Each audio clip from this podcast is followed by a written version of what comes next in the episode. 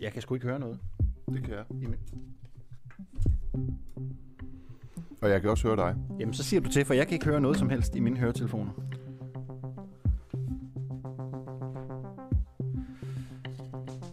Så du byder bare velkommen, når vi er på.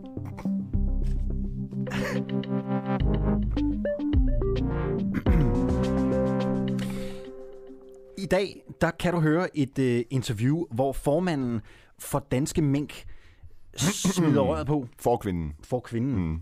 Det er 2021, Alexander. Åh, Velkommen ja, det er til. Rigtigt. Ja, men så skidt da. Og velkommen tilbage til dig. Jo, tak. Øh, det er dejligt at være tilbage fra barsel. Prøv at høre, øh, Alexander. Det er jo spørgsmålet om øh, minkene. Ikke bare menneskerne, men også minkene. De skal vaccineres, for at det her erhverv, der blev udryddet under pandemien, kan, ja måske ulovligt udryddet under pandemien, kan øh, genopleves.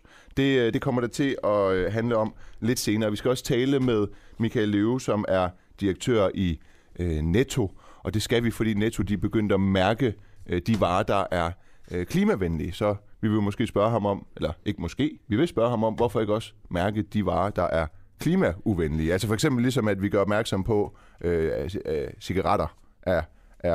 Ja, rygning kan dræbe, står der på cigaretpakkerne, ikke også? Jeg har aldrig forstået det der med, at det er alle de gode ting, man mærker. Det burde jo være alt det, der var noget lort, ikke?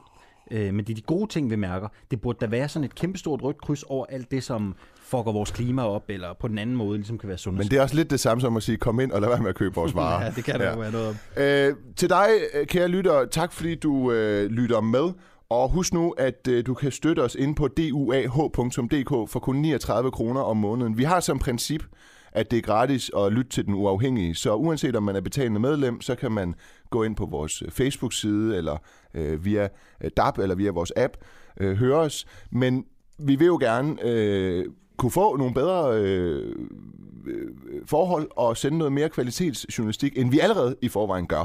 Så øh, skynd dig at smutte ind og støtte os på øh, duah.dk, og du kan også øh, bare nu her, mens vi sender, øh, sende en sms til øh, 1245, hvor du øh, spørger ind til det indhold, vi le- leverer, og, og nogle spørgsmål til vores kilder, men også skrive, hvad der kunne få dig til, hvis du ikke er betalende medlem allerede, og øh, blive betalende medlem. Når du lytter med, hvad er det så, du tænker, der gør, at der lige skal... Hvad er det sidste, der så skal til, for at du vil betale? Ja. Ja.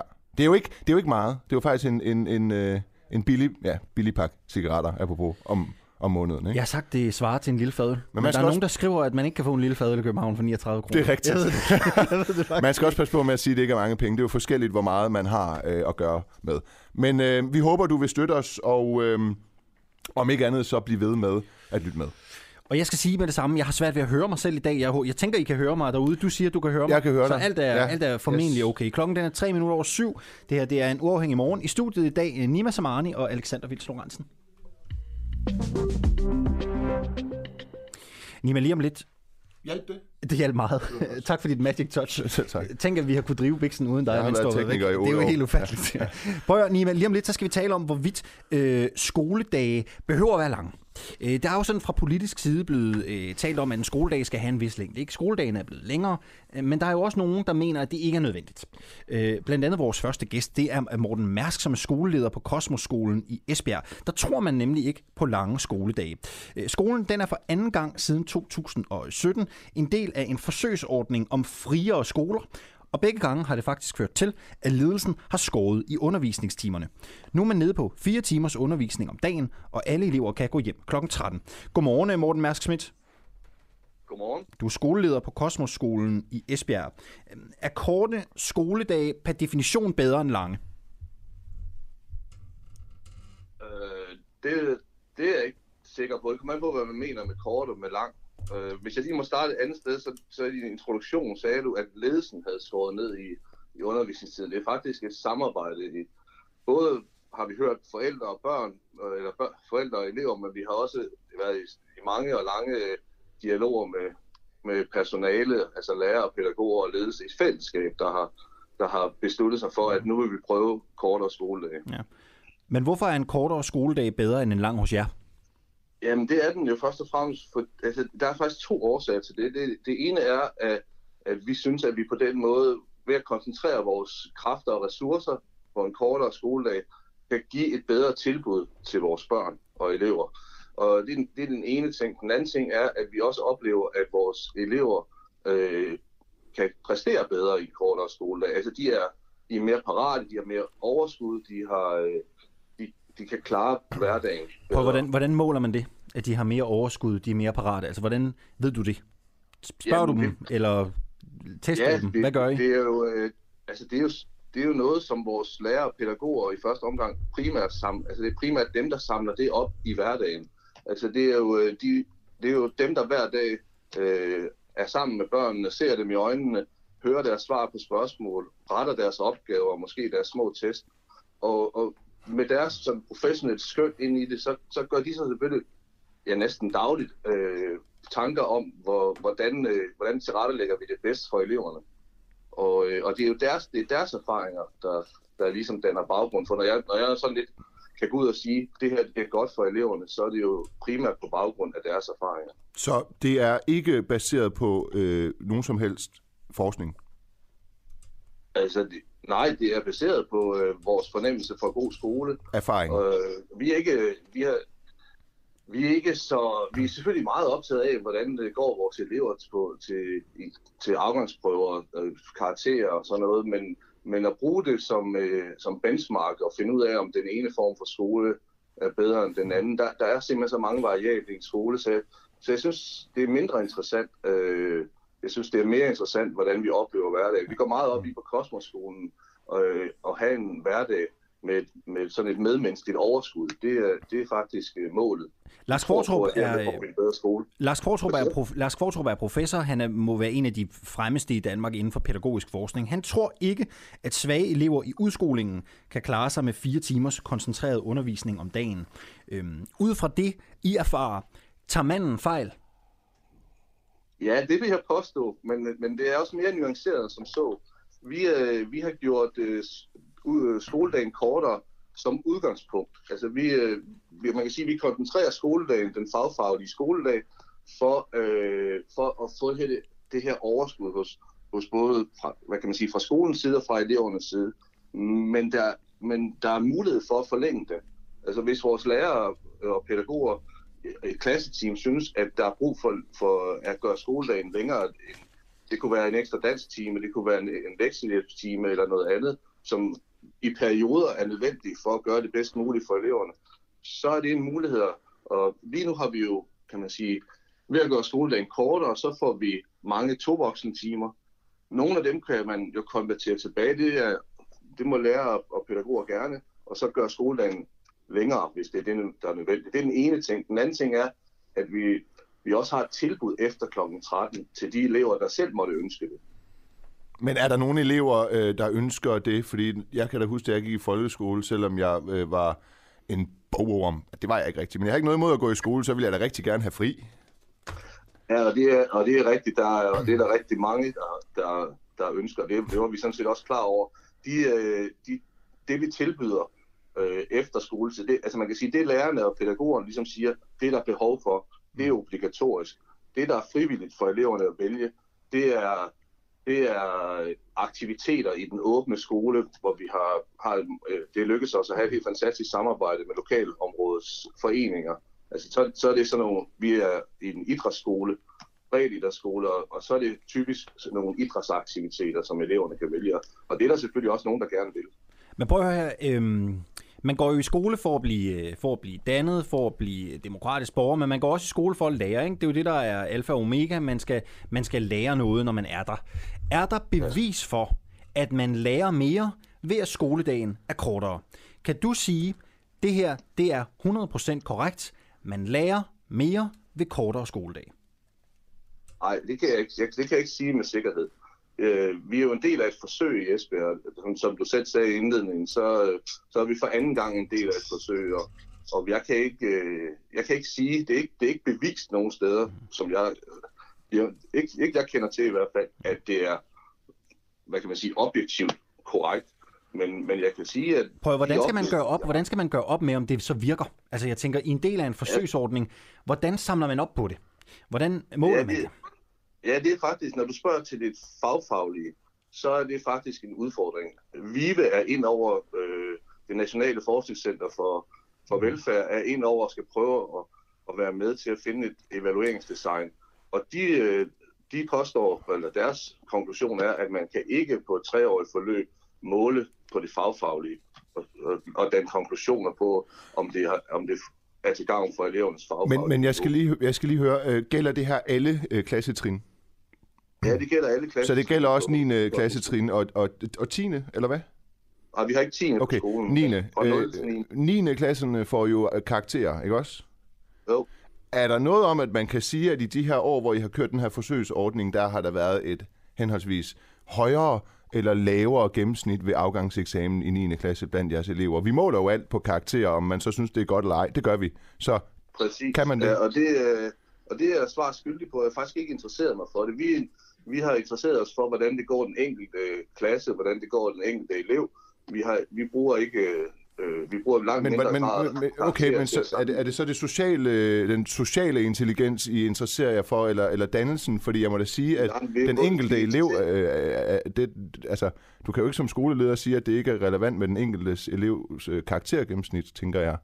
Selv i folkeskolen. Det, hvis det, det er faktisk heller ikke det, jeg forsøger at sige. Okay. Jeg siger, Hvad så? Jeg siger netop, at den enkeltes karakter, og den enkeltes klasses karakter, er selvfølgelig væsentligt for os, men det er ikke væsentligt i et benchmark, øh, at det er ikke væsentligt for os at benchmarke det op imod, hvad andre elever tidligere har, har, har fået.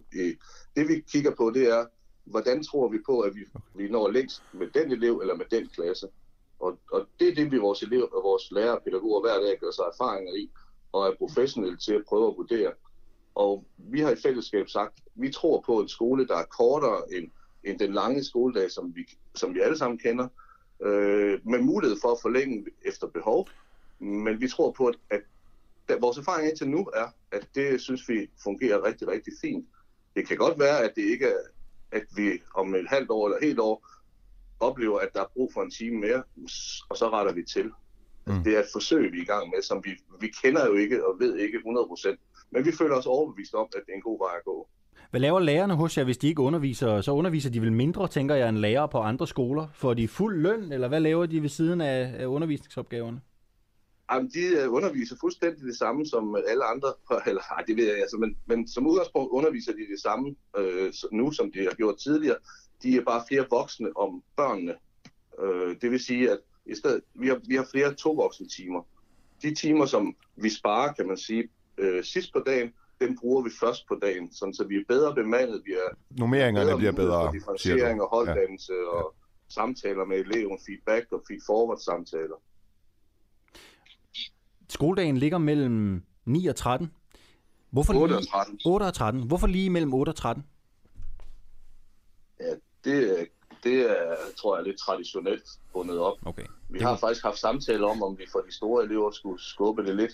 Ja, for det er jo Øh, det, man måske. taler om nogle gange, at det for Ja, de ældste måske kunne være bedre at møde på et andet tidspunkt. Så jeg var bare nysgerrig på, om der var ja. en eller anden årsag til, at det lige var 8 Nu skal jeg ikke gå imod det kritiske spørgsmål, Alexander, men forældrene skal jo på arbejde.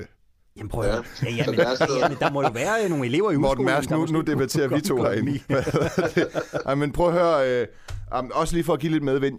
Pointen, det du prøver at sige, det er vel, at øh, hvis man er i skole fra 8 til 13, i stedet for fra 8 til, til 15, så øh, undgår man de her sidste timer, hvor man alligevel bare sidder som elev og, og, og, og, og sover og gerne vil hjem. Ja, præcis, det er, det, det er, Ja. vores, øh, det er vores pointe, sådan, sådan sagt meget på, øh, populært.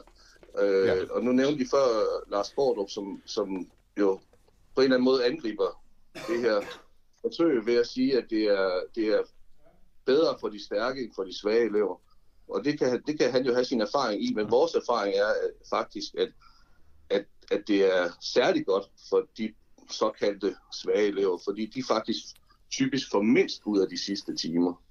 Her Og nu øh, ved ikke at have de timer, men igen til gengæld være bedre bemandet i de første timer, så kan vi bedre til gode se deres behov. Det er Her til- vores erfaring. Her til sidst, Morten Mær Schmidt, øh, du siger, at lærerne kan, de kan tilføje ekstra undervisningstimer, hvis det er nødvendigt. Hvor mange gange har det vist sig nødvendigt at tilføje ekstra undervisningstimer ud over de korte skoledage? Øh, nu har vi jo vi først startet lige efter sommerferien her, så vi har jo kørt, kun kørt i en 7-8 uger, og, og, øh, og der, det, er, det er der sket flere gange. Typisk, det typiske er, at man, øh, man åbner op for noget lektiehjælp. Men der har også været enkelte lærere, der har, sagt, der har sagt, at vi har lige brug for et, et stavekursus eller et eller andet, og så har man taget en enkelt eftermiddag på det. Morten Mærsk Schmidt, skoleleder på Kosmoskolen i Esbjerg. Tak skal du have, fordi du var med her øh, til morgen. God morgen til dig. Ja, så tak i lige måde.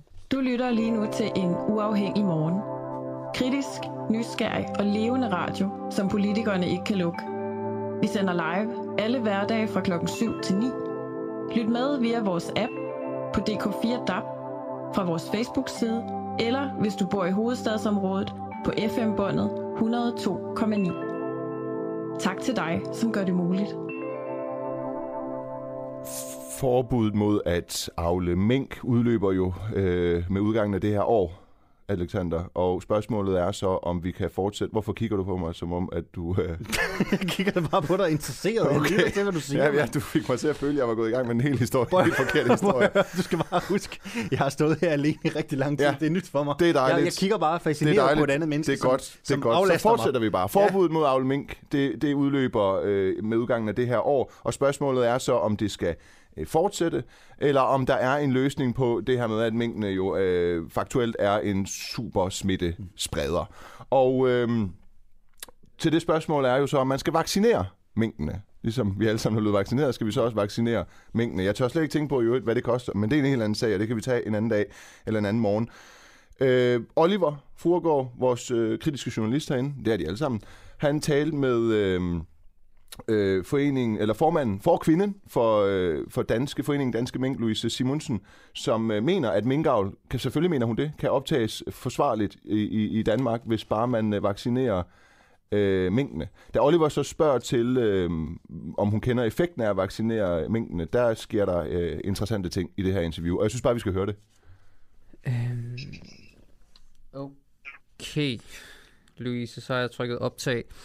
Øhm, regeringen, de vil gerne gøre sådan, så man ikke kan afle mink i øh, 2022, som ellers var planlagt, øh, fordi de siger, at det stadig udgør en sundhedsrisiko. Hvad siger du til det? Er du enig i den øh, konklusion? Øh, nej, det er jeg ikke, og det er selvfølgelig rigtigt, at der altid vil være en eller anden risiko forbundet med at have nogen som helst form for øh, dyr. Øh, men man er også nødt til at tage stilling til at øh, lave de her øh, undersøgelser og risikovurderinger med, med at de fagfolk, der burde være inde over, det vil sige den veterinære del og virologer osv., øh, de skal selvfølgelig med ind over, når man laver sådan nogle konklusioner, der har så øh, stor indvirkning på så mange folk herhjemme. Øh, det er et helt erhverv, der, der sidder og venter, og øh, der er ikke rigtig lavet det stykke arbejde af grundighed, som man burde. Øh, der er også regnet på øh, 13-15 millioner mink, det vil sige det, det samme størrelse minkerhverv, som der var inden vi slog ned. Så er der heller ikke taget højde for, at øh, os danskere herhjemme, vi er vaccineret, i hvert fald alle dem, der vil, på det tidspunkt, vi skulle have dyrene ind. Og at vi også har vaccine til dyrene. Det vil sige, vi snakker øh, 12 millioner færre mink, end det de har regnet på, fordi vi vil blive omkring 1 million mink højest. Det er 100.000 dyr, vi vil tage ind i alt øh, her i 2022 i januar måned. Øh, og vi vil have vaccineret minkene, inden de kommer ind i landet. Okay. Hvis vi siger, vi starter med det her med, at du siger, du vil gerne, I vil gerne have haft 100.000 øh, mink til Danmark her i 2022, er det rigtigt? Ja. Ja, og så skulle de være vaccineret. Ja. Ved du godt, hvor, hvor effektiv den her vaccine er på mink egentlig?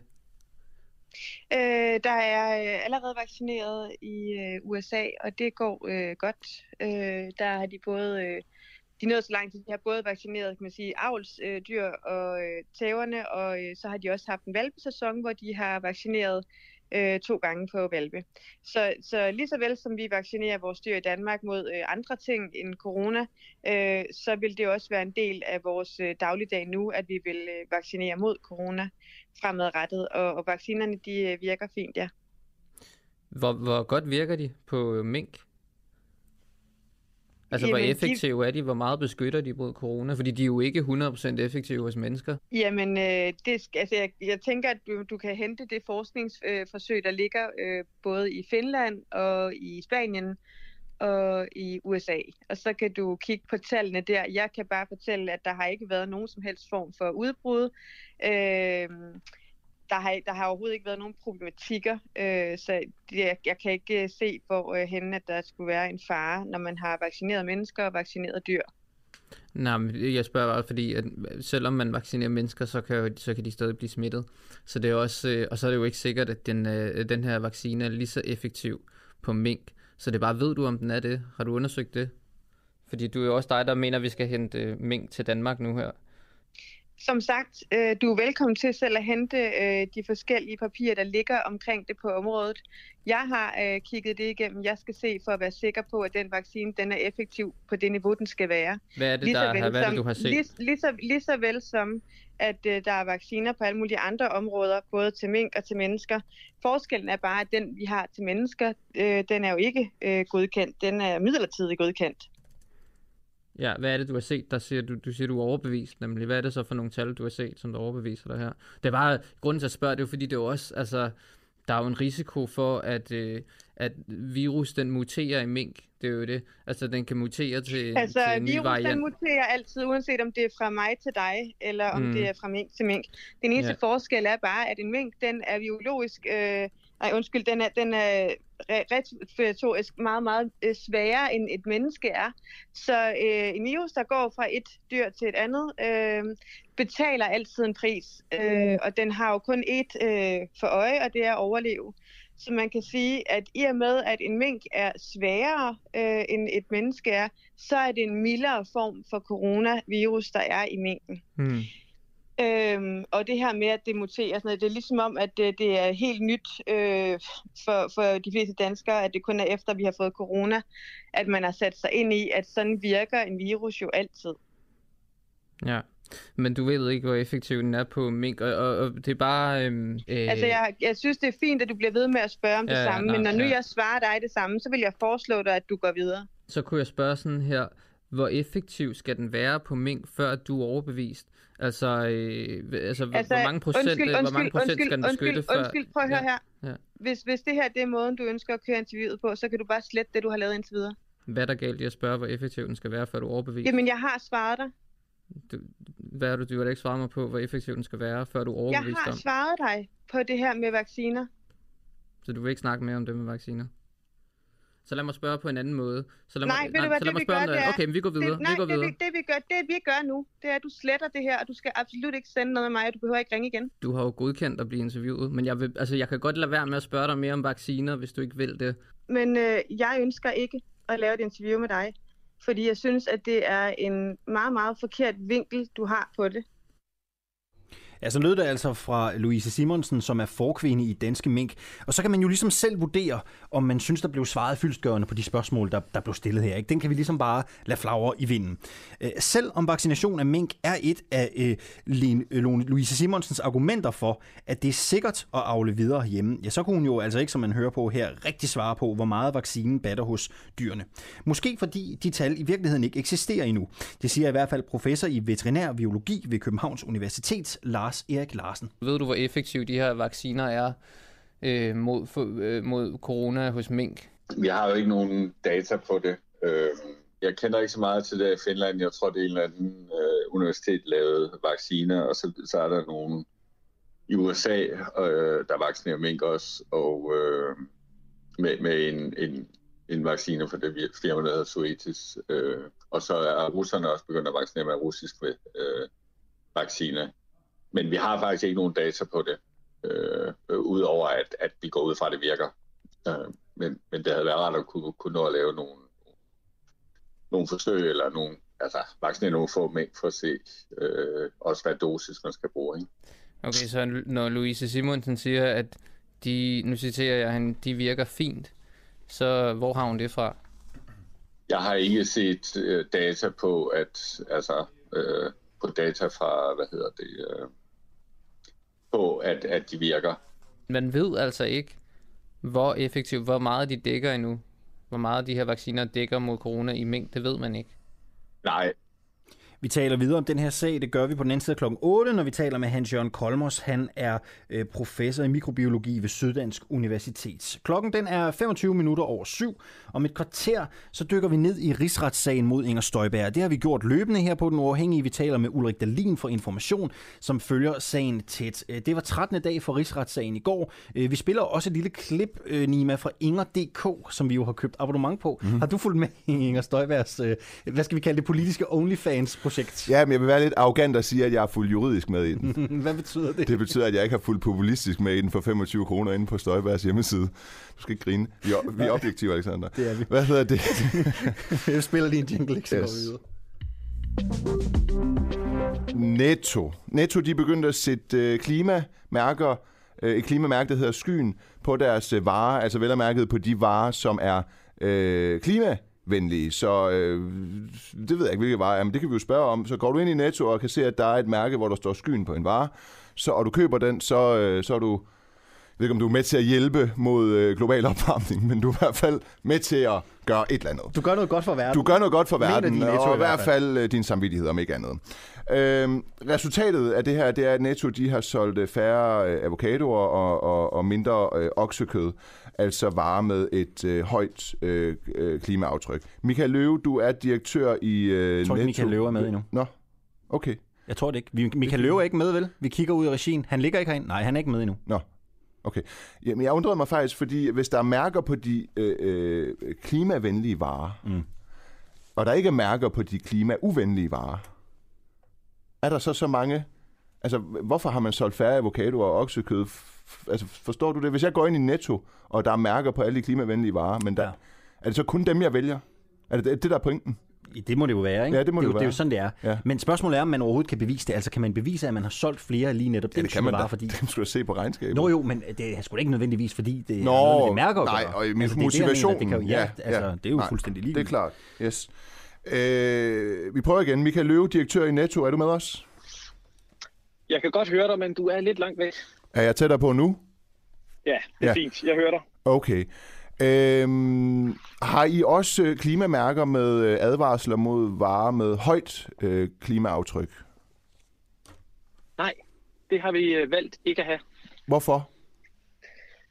Jeg tror, man kommer længst, hvis man anpriser det, man gerne vil se mere af, frem for at løfte pegefingeren over for kunder. Så derfor så har vi valgt en ordning, der alene fremhæver det, der er bedre for miljøet, og alt det andet, det siger vi sådan set ikke noget om. Men ligesom at vi med alkohol og cigaretter øh, mærker ting, der er farlige for vores personlige sundhed, og vel egentlig også i overordnet set samfundets, så giver det jo meget mening at, at advare mod de varer, der er årsag til øh, negative klimaforandringer. Ja, det, det gør det. Jeg, jeg tror, det er sådan lidt en glidebane at bevæge sig ud på på nuværende tidspunkt, fordi øh, så det, det er det her lidt for nyt til.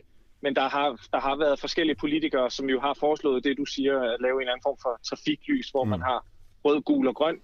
Øh, jeg, jeg føler bare ikke, at når vi ligesom er de eneste, der går ud og prøver at lave et klimamærke, og vi i øvrigt skal appellere til almindelige kunder, så, så tror jeg, at den bedste måde at påvirke adfærden på positivt, det er ved at fremhæve det positive. Og, og det skal jo lige siges, jeg har jo også respekt for, at du er en øh, forretningsmand. Det er du jo. Du er direktør for, for, for Netto. Øh, hvis jeg var cigaretproducent, og, øh, og, og, og jeg så øh, så, der kom et lovforslag om, at der på alle mine pakker, jeg solgte, skulle stå rygningen kan dræbe, så ville jeg også være interesseret i at modvirke det rent forretningsmæssigt.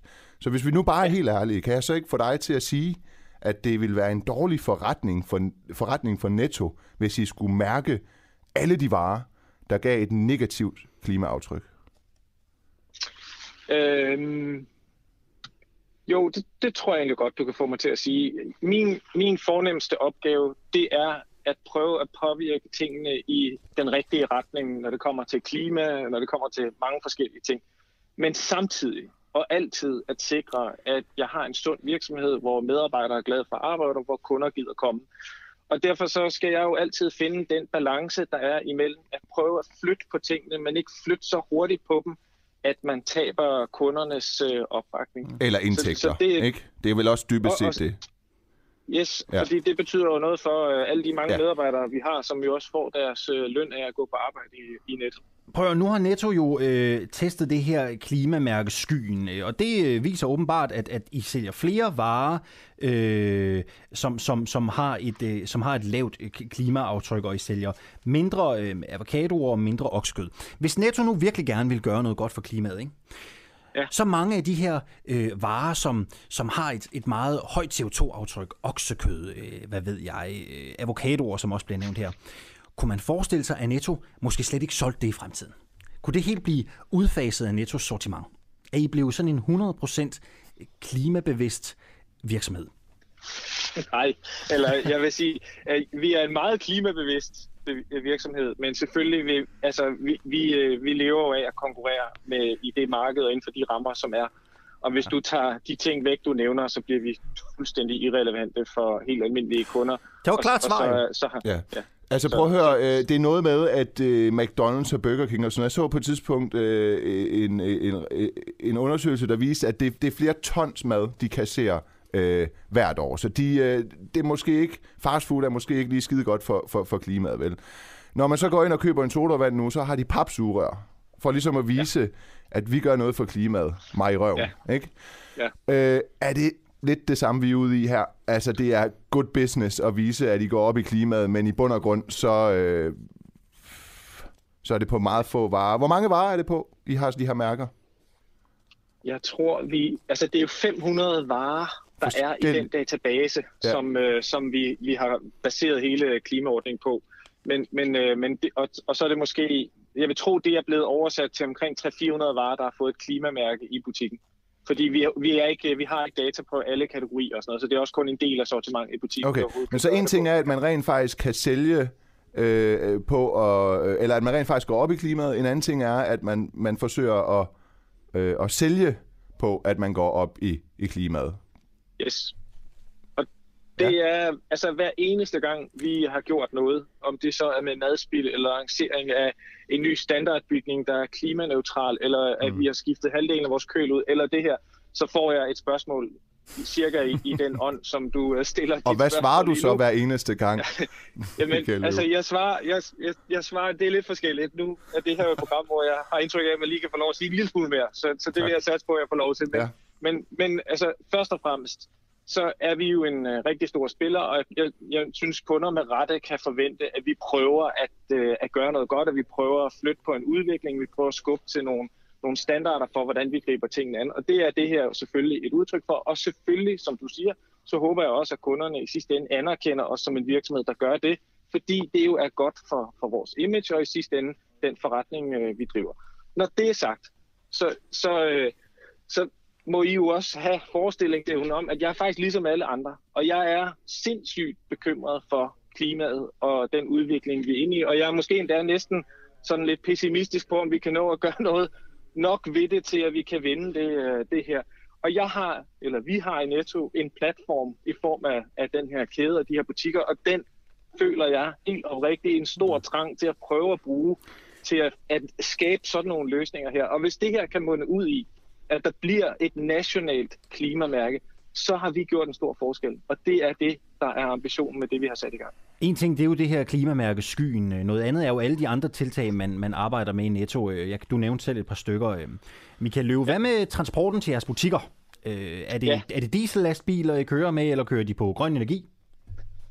Altså, de kører de fleste af dem på, på diesel, Mm. mm. og, og det gør det jo af rent praktiske årsager, fordi der, der er jo ikke batteriløsninger Nej. Til lastbiler, der skal køre øh, de afstande, vi skal rundt med. Men, men når det er sagt, så har vi jo nogle øh, lastbiler, der kører inde i Indre By, som øh, er hybrider, øh, og derfor udleder mindre i det der nærmiljø inde i midtbyen. Så du gerne, at alle Øhm. jeres lastbiler på et tidspunkt skulle være hybrider?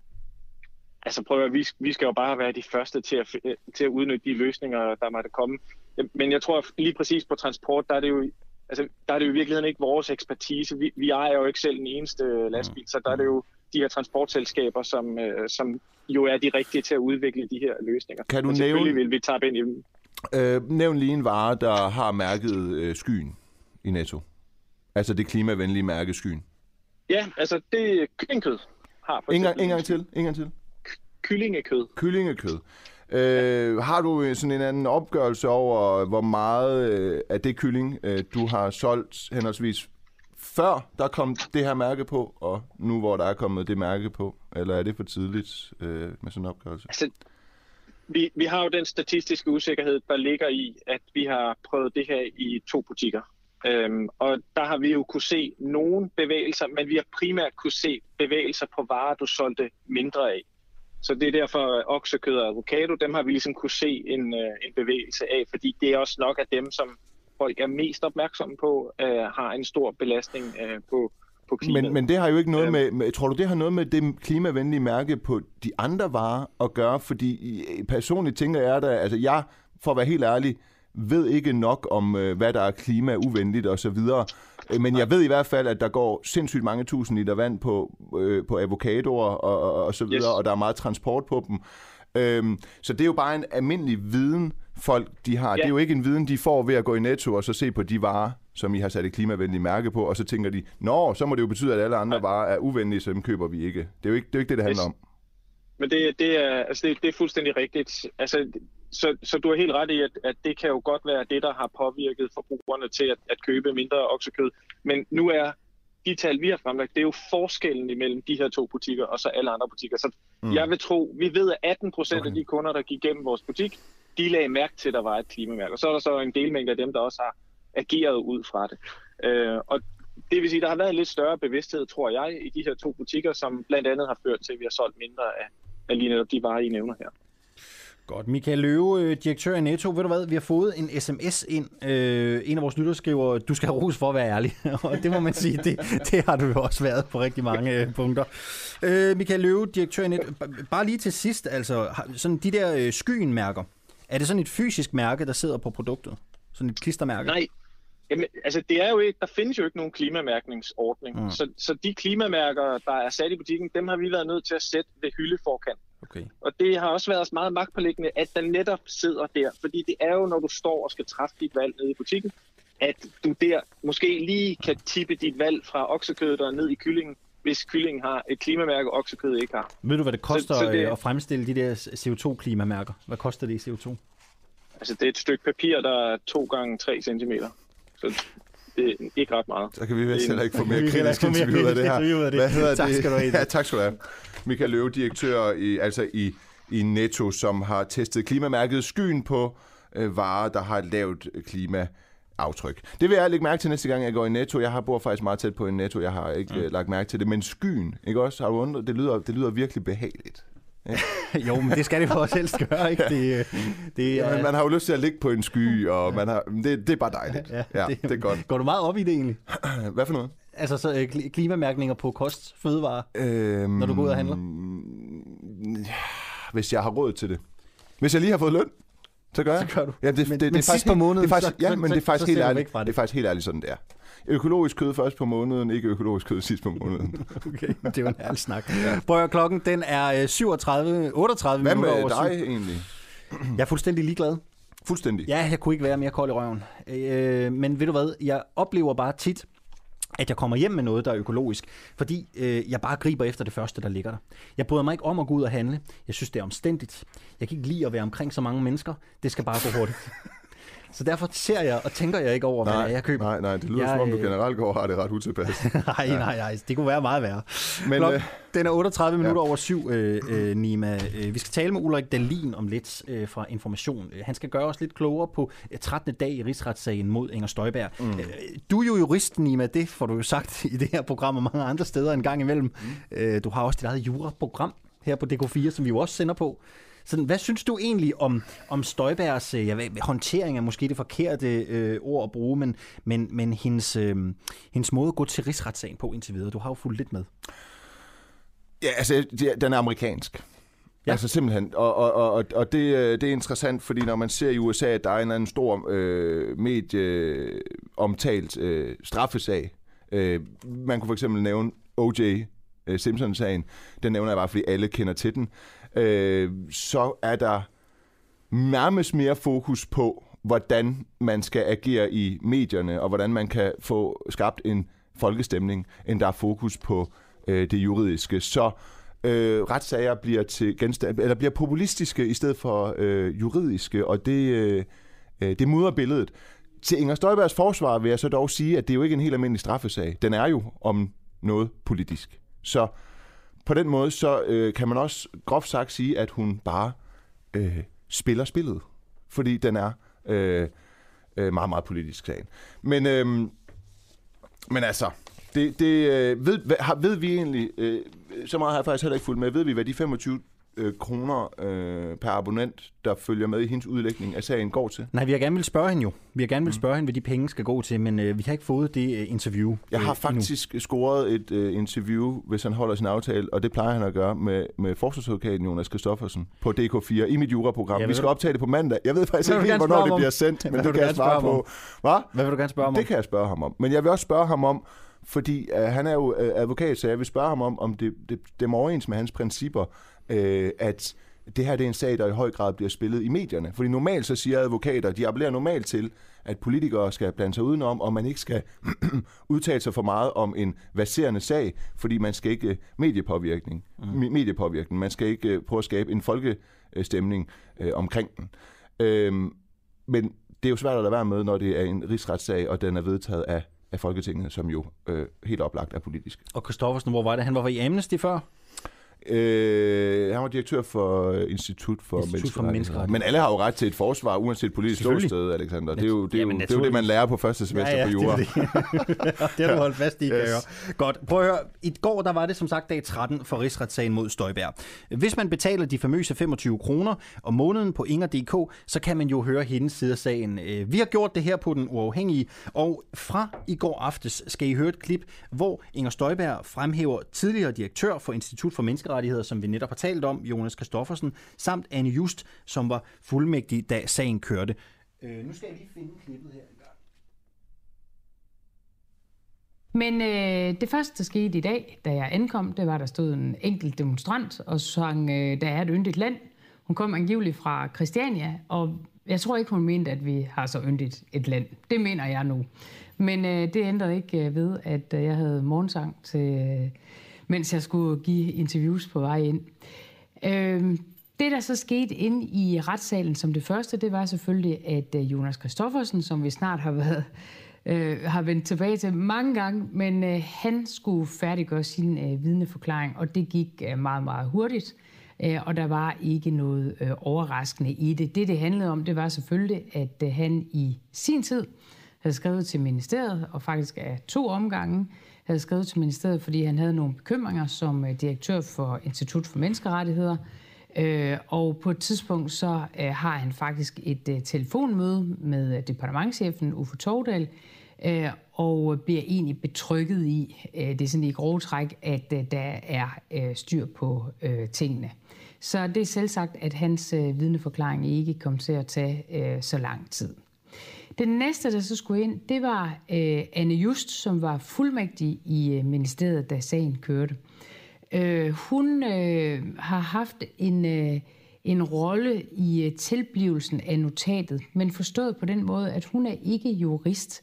Hun sad på øh, indkvarteringsområdet, vil jeg sige. Øh, hun sad med økonomidelen øh, af alt det her, øh, og, og selve øh, altså de implikationer, der var i forhold til økonomi, men jo også praktik i forhold til, hvordan skal man få indkvarteret alle de asylansøgere, der kom øh, til Danmark. Og derfor så øh, havde hun jo så en rolle i udarbejdelsen af notatet, men ikke den juridiske del. Øh, og, øh, og det bar øh, hendes øh, vidneudsagn selvfølgelig også klart øh, præg af, Øh, at det, det, hun har haft med at gøre, det var jo sådan noget med antallet af par og, og den slags. Så det var sådan meget sådan den, den opklarende del af det, der ligger i, øh, i notatet, om sådan praktikken bag øh, meget af det, der var, og, og jo i høj grad også i forhold til de folketingssvar, der skulle gives både til samråd, men også de skriftlige spørgsmål, som mange af, øh, af partierne og, og medlemmerne fra de forskellige partier har stillet igennem tiden. Øh, hun sagde, at øh, for hende øh, blev notatet overhalet af, jeg tror hun sagde, af andre diskussioner og emner. Øhm, og jeg måtte ligesom forstå det sådan, at, at det jo i hvert fald var ude af hendes hænder, og det ville det også selv sagt være, fordi hun jo kun har med i, kun i gåsøjen med den del, der handler om praktikken at gøre, og ikke om den juridiske del. Øh, så det er klart nok, at hun jo også kommer til at, at slippe det på et, øh, et tidspunkt, og så er det ligesom nogle andre, der skal øh, tage over. Men, øh, men jeg kan se, at det sådan bliver udlagt lidt forskelligt rundt omkring. Altså, jeg synes ikke, der er noget underligt overhovedet i det, hun øh, siger i sin øh, vidneforklaring. Øh, Øh, faktisk tværtimod, øh, fordi hun har simpelthen ikke noget med det juridiske øh, at gøre. Hun sidder i en helt, helt anden afdeling, øh, og, øh, og derfor så er det bare ikke en sag for hende. Og husjurist, hvad siger du til Støjbergs udlægning? Jeg vil i hvert fald knytte den kommentar til det her med, at Jonas Kristoffersen som direktør for Institut for Menneskerettigheder gør opmærksom på det her øh, problem med øh, ulovlige, mulige ulovlige instrukser, og så siden han forsvarer han så øh, Inger Støjberg i samme sag. Det svarer jo faktisk, altså det prøver folk at gøre noget hyggeligt ud af. Det kan jeg sådan set godt forstå i folkemunde, men, men, øh, men det svarer jo lidt til, at man har været forsvar, og så går man over og bliver anklager. Altså man prøver lidt af, af, af, af begge sider. Ikke? Mm. Man kan så stille det spørgsmål, hvor knyttet er han egentlig til det her, hvis, hvis, hvis han ikke har sin, sin sjæl med. Men, men, men det, det, det, det, det er jo svært. Man, man er jo professionel. Jeg synes egentlig, at hendes udlægning sådan ikke er så populistisk og øh, ufornuftig, som jeg havde regnet med. Og jeg er mm. bestemt ikke øh, Inger Støjberg vælger, men, men, men udover det her med, at der er, der er, hun lige skal sige i indledningen, at der er et yndigt land, så synes jeg da egentlig, at det lyder som en sådan ret forsvarlig udlægning. Men vi skal vende os mod vores gæster jo. Det er ja. jo dem, vi skal have til at svare på det her spørgsmål, Nina. Men tak for din korrespondence her. Ja, men jeg ved det godt, jeg ved det godt. Ja. Ulrik Dahlin, godmorgen og velkommen til. Godmorgen. Vil du have udlagt uh, teksten uh, for rigsretsdagen, rigsretssagens dag 13, ligesom Støjberg? Nej, det vil jeg i hvert fald ikke. Uh, jeg synes, at det uh, lytterne lige har hørt, at det er i høj grad vinklet af Inger Støjberg til sin hendes egen fordel.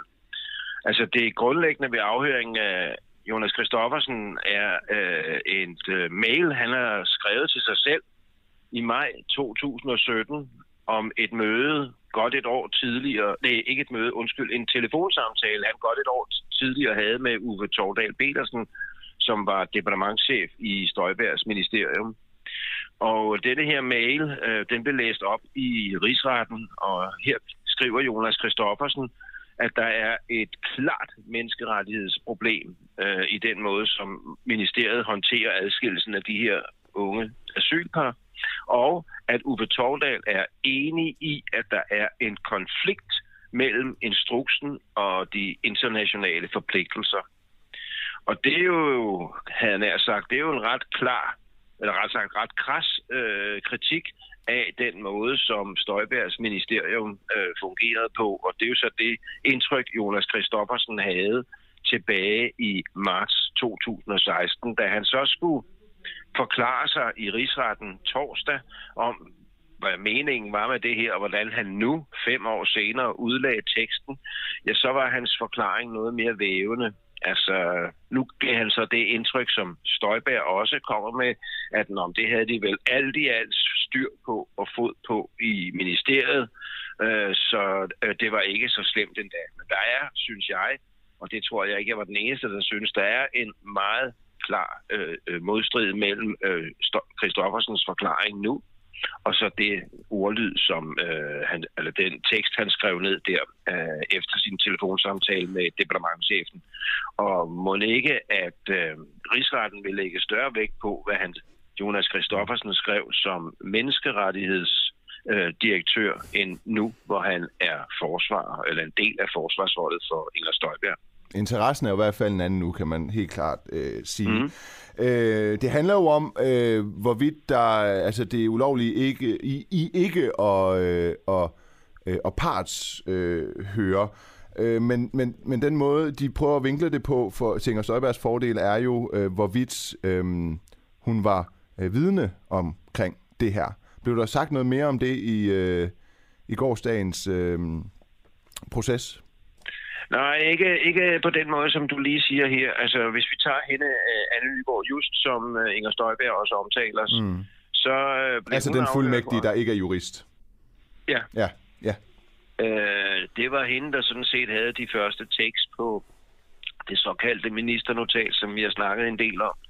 Men øh, det, der, der bliver ligesom to punkter i hendes øh, afhøring, som jeg synes er værd at tage med sig. Og det første er, at, øh, at, øh, at hun øh, var med til et møde. Øh, men hun har den opfattelse af, at øh, virkeligheden øh, overhalede notatet. Øh, og det baserer, hun, øh, øh, det baserer hun på, at øh, hun var med til et møde øh, den 9. februar 2016 kl. 15.30. Øh, og det var et par timer efter, at øh, Inger Støjberg havde godkendt øh, det her ministernotat. Øh, og øh, det åbner op for, det har vi jo talt om før, det åbner op for, øh, at der kan være undtagelser. Øh, men øh, på det møde der, øh, der havde en kontorchef i udlændingeafdelingen, øh, han forklarede, hvorfor at det, at, øh, at det ville være meget vanskeligt at lave en ordning uden undtagelser. Altså det ville hurtigt komme i konflikt med de internationale konventioner. Og der var det hende fuldmægtigens indtryk, at, øh, at det var Inger Støjberg ikke tilfreds med og hun trykkede denne her kontorchef på maven og ville gå længere øh, end, øh, end han ville øh, i forhold til at lave en ordning. Så hun forlod det møde med den opfattelse, at øh, det ville ikke være juridisk holdbart at øh, lave en, øh, en øh, ordning uden undtagelser, men at det ikke var det, ministeren havde sagt. Og det er jo interessant, altså fordi det er jo endnu en vidneudsagn, der siger, at det her notat, ministernotatet, som er en grundpille i Inger Støjbergs forsvar, at det ikke spillede nogen rolle. Så var der også en, en til, der blev afhørt, en afdelingschef, Frank Bundgaard, øh, som kom fra boligafdelingen, og det er interessant, fordi fordi han kom fra boligafdelingen, dengang var Boligministeriet jo en del af Inger Støjbergs ministerium, så havde han ikke lod eller del i denne her sag med de unge øh, asylpar. Han havde som afdelingschef deltaget i et koncerndirektionsmøde, altså et møde for de øverste chefer i Støjbergs ministerium, den 10. februar om formiddagen, få timer før, at denne her pressemeddelelse, som bliver udsendt, som lægger op til, at alle, uden undtagelse, af de unge par skal skilles ad. Og han havde øh, øh, på et tidspunkt i efteråret 2016, der havde han fået den opfattelse, at denne her sag kunne ende rigtig galt, ombudsmanden var gået ind i den, og der var begyndt at blive stillet spørgsmål i Folketinget. Der havde også været samråd. Så han ledte efter de noter, han mente, at han måtte taget på, på mødet, men han kunne ikke finde dem. Og så gjorde han jo det, som er øh, en god øh, embedsmandstradition, øh, og i overensstemmelse med embedsmandens logik. Han skrev ned det, han kunne huske. Og det gjorde han i oktober-november 16, altså godt et halvt år efter det her møde, han var.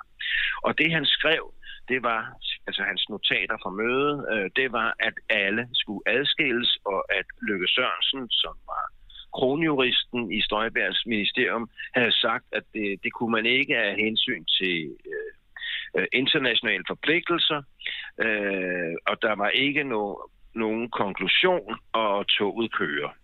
Og da han så skulle for, forklare i rigsretten, hvad han mente med det her notat, der fortalte han så i utvetydige vendinger, at øh, hans erindring fra mødet var, at øh, ministeren, departementchefen og den her kronjurist Løkke Sørensen, øh, de var kommet lidt senere til mødet, og man fik en fornemmelse af, at de var i, midt i en diskussion, som havde varet øh, et stykke tid. Og øh, enten Uffe Tordal eller ministeren siger så, at vi må adskille alle de her par, hvor efter i hans erindring Løkke Sørensen meget engageret læner sig frem og forklarer, at det kan man altså ikke. Det vil være mod øh, øh, reglerne. Og øh, så er Frank Bundgaards erindring den, at øh, Inger Støjberg bare trækker på skulderen, altså sådan, ala, ja, det ved jeg godt, du mener. Øh, der kommer ikke nogen konklusion. Der er ikke nogen, der, der, der, der ligesom siger til Løkke Sørensen, øh, ja, selvfølgelig skal vi overholde reglerne. Så det er altså hans opfattelse af, han gik fra det møde også med en fornemmelse af, når man vil adskille alle, selvom det ikke var Så, så, så han erindrer med en lille bitte smule usikkerhed i forhold til, hvem af dem, øh, der siger hvad, så erindrer han, at der altså bliver klart givet udtryk for over for Inger Støjberg, at det her det er ulovligt. Det kan man ikke bare. Er det rigtigt forstået? Ja, det siger Lykke ja. Sørensen ja. Øh, til, til, til ministeren. Ja. Han er uklar i forhold til, om det var Tordal, altså departementchefen, ja. eller det var Støjberg, ministeren, som lagde ud med at sige, at alle par skal Så der bliver altså sagt her fra et vidne, at der var klart kendskab til ulovlighederne, og de, blev, de fortsatte så. Det er jo med andre ord det, der bliver sagt. Må, øh, ja, øh, hvad, kan man godt trække Og hvordan sammen. blev det så øh, forsvaret af, af Inger Støjberg og, og hendes advokater, hvis, det, hvis de nåede det? Altså, Støjberg havde jo ikke ordet i går. Øh, det, som øh, øh, i hvert fald en af Støjbergs advokater, altså Nikolaj Mallet, forsøgte, det var at hive, hyle denne her øh, afdelingschef, eller tidligere afdelingschef, lidt ud af det. Fordi han spurgte ind til, hvad de der samråd, som han havde omtalt. Øh, det kunne være et samråd i juni. Der var et samråd den 1. juni og den 23. juni. Og så sagde han Frank Bungård, ja, det kan godt være. Og så trumfede Mallet med at sige, så var det ikke i 2016, så var det i 2017, at de her samråd okay. blev holdt. Så, så de prøvede at... Og det synes jeg lidt er et, et prokuratorknep, fordi der ja. blev faktisk holdt et, et uh, samråd den 23. juni 2016. Og jeg kan ikke forestille mig andet, end det er Mallet fuldstændig bekendt med. Men når han så alligevel kører øh, frem på den anden måde, så er det jo for at rokke ved øh, mm. værdien mm. af det der udsagn, forstået på den måde, at hvis det først var i efteråret 17, så ville det jo være mere end halvandet år efter mødet, at han nedskrev sine, sine, sine erindring.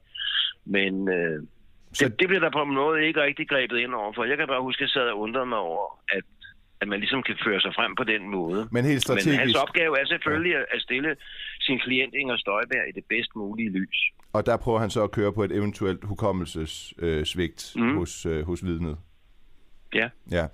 Øh, her på øh, dag 13 øh, for rigsretssagen, øh, Ulrik Dahlin, øh, hvis du vil, kan du så svare på, sådan, du har jo fulgt med, og rent analytisk, har du en fornemmelse af, hvilken vej den her sag den øh, ender med at gå, hvis du tør, der, tør våge dig ud i det. Jamen, prøv, prøv at høre, er, jeg, jeg, jeg kommer ikke efter dig, hvis jeg... Det er nok det hyppigt stillede spørgsmål, jeg møder fra venner og bekendte. Jamen, det er jo også interessant, ikke også? Ja. Jeg synes, det er svært at sige, ja. men jeg vil sige, at den uge, vi går ud af nu, mm. ikke var den bedste for Støjbær modsat ugen før, hvor hun faktisk, kunne man godt sige, at hendes hold havde lidt medvind, så synes jeg ikke, det var tilfældet i denne her uge. Så... Hvad har været det dårligste, altså, hvad har været næste, det dårligste næste, for Støjberg i den her uge? Hvad, hvad har været det dårligste for Støjberg i den her uge? Hvad har været øh, øh den, den, den, den store knast for hende? At den store, største knast, tror jeg, har været, at øh, under den sidste afhøring af departementchef Uffe Tordal Petersen, der forsøgte øh, Støjbergs forsvar at øh, få ham med på den nye forståelse, de har af det her meget omtalte ministernotat. Det skal jeg prøve at forklare meget kort. Den går, det går ud på, at der i det her notat, der står, at dem, som der skal gøres undtagelser overfor, de skal adskilles og bo på hver sit værelse, men dog på samme asylcenter. Og fordelen ved det er, at øh, det kan øh, få Inger Støjberg til at komme lidt lettere omkring alle de gange, hun over for Folketinget og i medier og så videre har sagt, at alle skulle adskilles. Fordi det skulle de jo også om end ganske få, som måtte blive på samme asylcenter, bare på hver sit værelse. Og øh, da forsvarerne forsøgte at, at spørge Uffe Tordal til nogle forskellige folketingssvar, hvor der netop bare står, at alle skal adskilles, øh, ja, så havde han jo, øh, om man så må sige, øvet sig på, forberedt sig på, ja, det er også ærgerligt. Det svar her, der skulle nok have stået noget om undtagelserne. Det er ikke et godt svar, og det kan jeg godt se i dag. Så når Støjbergs forsvar forsøgte at få ham med på at se, jamen, hvor er det, lad os prøve at tage linje for linje i notatet, hvor er det, det hvor er det, det her svar skulle være i modstrid med det. At der blev han noget hylet ud af det, mm. og kunne ikke rigtig følge den tankegang. Og det viser jo, at Uffe Tordal Petersen og Inger Støjberg ikke har den samme forståelse for notatets betydning. Og det vil sige, at der er slået en ganske lille bræsje øh, ind mellem de to, hvor de ellers i Instrukskommissionen, der lå deres forklaringer meget i forlængelse af hinanden. Ulrik Dahlin, jeg ved godt, det er utaknemmeligt, men bare på fem sekunder, tror du, Inger Støjberg ender med øh, at blive dømt, ja eller nej? Ja. Okay. Så klar var meldingen. Ulrik Dahlin, øh, journalist på Information, og også efterhånden jo rigsretskorrespondent her på øh, Den Uafhængige Klokken. Den er 1 minut i 8. Nima, lad os lige kigge lidt på nogle af de ting, der sker ude i den store verden, som vi ikke har øh, fundet plads til her i vores øh, morgenprogram. Tandlægeforeningen, de er bekymrede. Kan du gætte, hvorfor de er bekymrede? Alt for mange danskere, inklusive mig selv, har tandlægeskræk. Ja, det kunne det godt være. det handler om snus. Nå, ja. Øh, fordi Tandlægeforeningen er helt konkret bekymret for, at vi får en generation af unge mennesker, som øh, simpelthen får så slemme snusskader øh, på tandkødet, at det ikke kan rettes op. Øh, det siger de til øh, Danmarks Radio, der har ja. Den øh, historie øh, her øh, til morgen. Det, det, er sådan, det, der sådan helt konkret sker, ikke? det er jo, at tandkødet det, det ætser mm. øh, og krymper sig sammen, og, og der sker altså nogle forandringer øh, med, øh, med tænderne, med tandkødet, som man ikke kan ændre på. Og det er jo interessant, ikke? Fordi det er jo bare, hvis man bruger snus øh, i munden. Mm. Jeg ved ikke, om du har læst nogle af Øh, jeg har faktisk selv været med til at, øh, at dække det øh, mm. i en øh, podcast på Podimo. Jeg har vikarieret for Paul Madsen, simpelthen. Ja. Og øh, der havde vi historien, at øh, unge er, er begyndt at putte snus op under forhuden og op i røven, og ja. simpelthen op i øh, vaginaen, for at sige det diplomatisk. Og hvorfor, tænker jeg bare ikke. Hvorfor? Øh, Ja, det tænker ikke, Asger. Aarmund var gæst, og hans bud var, at, øh, at det, Ja, hvad var det? Ej, det skal vi ikke grine af. Hans øh, seriøse bud var, at der simpelthen... Det er, fordi vi lever i et forbudsland, så folk de... Øh, det er protest. Ja. Civil ulydighed. Ja, ja, altså jeg, det ved, jeg tror, det er fordi, man er ung, og så tænker man, du ved, så er man fuld. Det, prøv, det sker, fordi man indtager alkohol, simpelthen. Ung og dum og fuld. Det er nok det bedste bud. Mm. Har du noget på nyhedsbloggen her til morgen? Ja, det har jeg faktisk. Øh, altså, nej, det er faktisk en seriøs øh, nyhed, men det er lidt i det mindre, og det er øh, meget lokalt i forhold til, hvor vi er, altså i København. Men på øh, Østerbro, øh, der øh, kan man simpelthen ikke øh, finde øh, parkeringspladser. Og Berlinske har en historie om en mor, der øh, ofte leder efter parkeringsplads i 30 minutter. Øh, og hun brokker sig over det. Hun siger simpelthen, at mens hun parkerer, så spiser resten af familien aftensmad. Der synes jeg godt, at familien kunne være lidt lojale og vente. Men det er et velkendt problem. Jeg bor på Nørrebro. Det er også et problem. Vi har parkeringslicens, men jeg har nogle gange kørt rundt i altså, simpelthen øh, 30-40 minutter for at finde parkering. Til det siger øh, øh, Sofia Hestorp Andersen fra Socialdemokratiet, at øh, det skal man bare vente sig til, fordi det går simpelthen ud på, at man vil motivere borgerne til at have færre biler øh, i byen. Mm. Øh, og det er jo i høj grad også et øh, klimatiltag. Øh, tiltag. Og øh, så kan vi lige blive lidt i den afdeling med et par tal for Rigspolitiet, fordi øh, for et halvt år siden, der trådte reglerne om vanvidskørsel jo i kraft. Nu har øh, Rigspolitiet ligesom gjort tallene op. Tallene viser, at politiet på det halve år har beslaglagt 510 køretøjer. De har rejst 623 sigtelser, øh, fordelt på 586 sager om vanvidskørsel.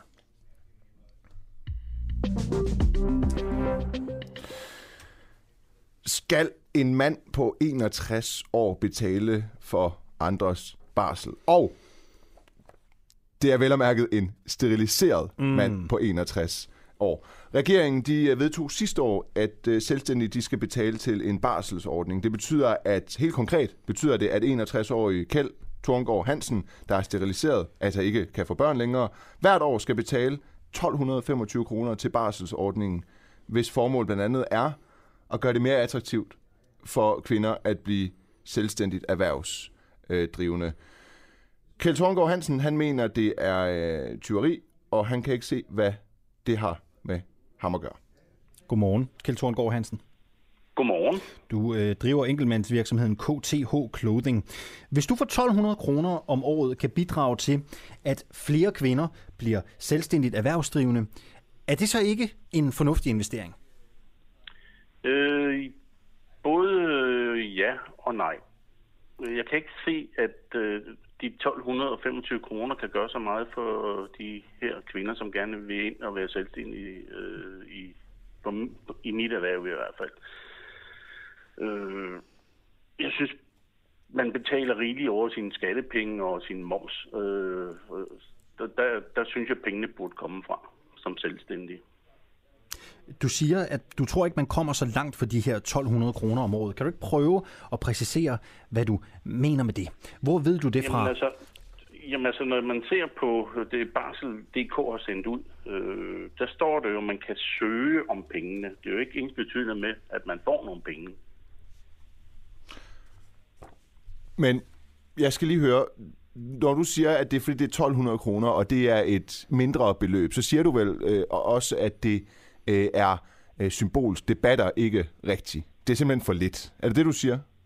Nej, jeg vil ikke sige, at det er for lidt, fordi altså, beløbet de 1225 lyder af ingenting, og det er det, man kan sige, heller ikke i det her spil jo, men selve beløbet er jo indtægtsbestemt. Altså, hvad har virksomheden givet i overskud, og der tager man så og udregner, hvor meget man skal af med. Det er bare for at forstå, om det for dig er øh, princippet, eller For mig, for Pengene. mig er det princippet. For dig er det princippet. så Ja, lad os holde fast, synes- så lad os holde fast i, øh, i, i princippet. I Danmark øh, har jeg for eksempel fået en øh, uddannelse, fordi øh, andre er solidariske. Det, det kommer jeg jo så også til at være nu, når jeg får øh, også selv betaler skat, men fordi andre er solidariske og betaler skat. Vi betaler simpelthen for hinanden, for at samfundet kan køre rundt, og for at øh, nogen, der måske ikke har adgang til erhvervslivet, eller hvad det kunne være, øh, får en bedre mulighed for det. Hvad er problemet i det, hvis du sådan ser ud fra din egen, ja undskyld, navle? Jamen altså, man kan så sige, at jeg betaler jo også skat, og jeg betaler også moms af alle ydelser, man mm. gør. Og det er også et bidrag til, at samfundet kører rundt. Men der er jo alle mulige forskellige små skatter, så det lyder jo lidt Det som om, at det er pengene. Fordi du har ikke noget imod at betale skat. Slet ikke. Så er det Det er 1225 en kroner. samfundspligt. Men, men, men, men, men der stopper den så for dig. Ja, på, på nogle punkter gør Ja. det, fordi jeg synes, man har været igennem en meget hård tid som samfund med øh, de her covid-19-tider og alt muligt. Øh, og på et tidspunkt, der er der, der er ingen tvivl om, der kommer en regning, der skal betales. Øh, og med den regering, vi har i øjeblikket, og deres støttepartier, der ved jeg da godt, at, eller tror jeg, at den bliver sendt en del ud til erhvervslivet. Men Kjeld Thorngård Hansen, øhm, det her med, at du er 61 år og, og, og steriliseret, øh, altså er det et argument for, at det måske nærmere er sådan en som mig, der ikke er steriliseret og stadigvæk kan lave børn, hellere skulle betale de her 1225 kroner om året, eller hvorfor er det overhovedet øh, øh, relevant øh, for sagen, hvis vi alle sammen skal bidrage til samfundet? Jamen altså, man kan sige, at det er ikke relevant, at jeg er blevet steriliseret. Men jeg synes, det er relevant, at jeg er, blevet, er et enkeltmandsfirma og har ingen ansatte. Øh, og derfor Okay. kan man sige, jeg som person vil aldrig kunne få glæde af den der indbetaling, eller og da jeg ikke har nogen ansat eller noget, vil kunne få glæde af den. Men du kan glæde nogle andre. Det er korrekt. Men det kan jeg jo gøre på mange andre måder. Og det synes du, du gør nok i form af moms og skat allerede? Ja, altså, hvis, hvis det stod til mig, så vil jeg hellere give de 1225 kroner til de, en, øh, til de stakkels min- minkavlere, man har frataget en eksistens. Det er en god vinkling, det der, øh, til Kjeld Thorngård. Hvad hedder det? Aftalen den blev indgået i forbindelse med, med finansloven i 2020, og formålet det er som sagt, øh, at kvinders øh, incitament for at blive selvstændige, det, det øges eller forbedres. Øhm, alle selvstændigt erhvervsdrivende skal betale til den her ordning, altså alle. Ja. Kunne man ikke vende den om og sige, at det vil være øh, i strid med ligebehandling, hvis øh, du ikke skulle? Jamen altså, det, det kan man godt sige, men jeg synes øh, generelt debatten om barsel og øh, køn har taget en drejning, som ikke er nødvendig. Altså jeg personligt, og det er så min personlige mening, øh, at staten skal blande sig i, hvordan en familie vil holde sin barsel, hvor meget manden skal holde, og hvor meget kvinden skal holde. Det synes jeg er absurd, fordi det er jo op til den enkelte familie at få deres hverdag til at fungere, så de fungerer sammen med deres øh, nye barn. Ikke? Er det her en, en mandlig MeToo-skat? Vil du kalde det det? Nå, men jeg synes, man går for meget op i øh, kvinden og manden i øjeblikket. Altså, det er ligesom om, at når, når, når den enkelte person siger, vi vil faktisk helst, at min hustru eller sammenlever, eller hvad pokker man skal sige det, mm. tager barselen, og jeg passer mit arbejde, fordi så fungerer min familie. Det, det føler det offentlige, at sådan skal det ikke være. Altså, manden skal virkelig på barsel. Michael Laugesen skriver på Facebook, hvorfor betale en kvindeskat? Det er idiotisk.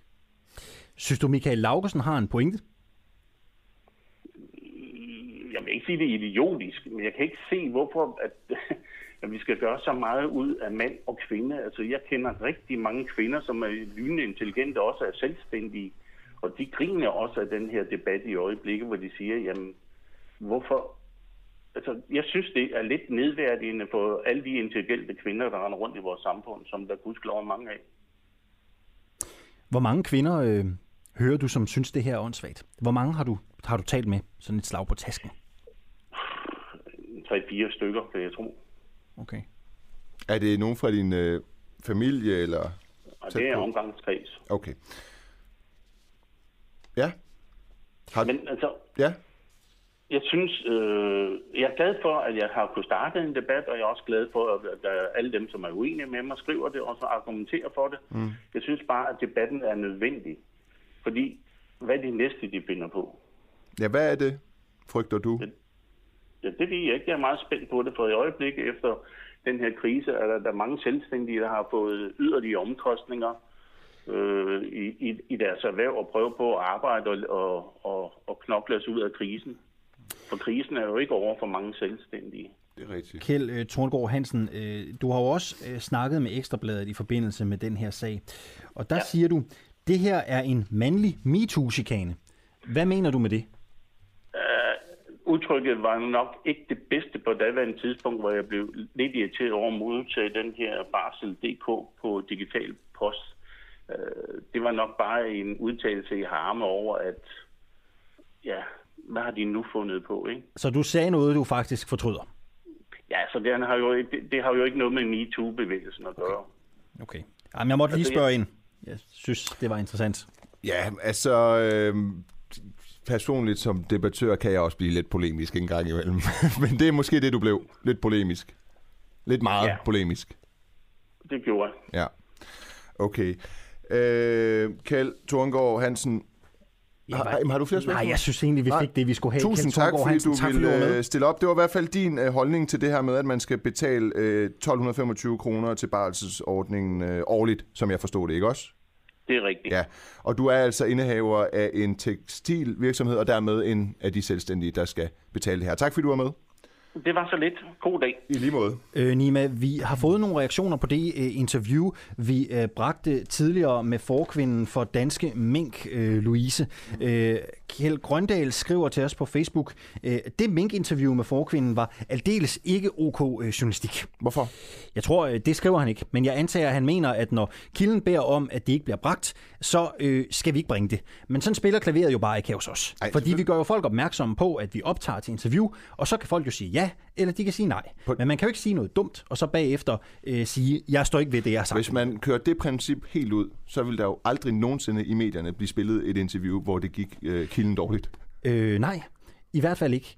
Men det her er jo måske også sådan et udtryk for, at når man siger ja og stiller op til et interview, så øh, skal man måske lige løbe sine budskaber igennem en ekstra gang, ikke? så man lige sikrer sig, at den står helt skarpt i skabet. Ikke? Man kan i hvert fald sige, at hvis man er forkvinde for øh, et øh, erhverv, der er øh, truet, så er det en god idé øh, at, at kunne være helt konkret omkring forskningen for sine øh, argumenter.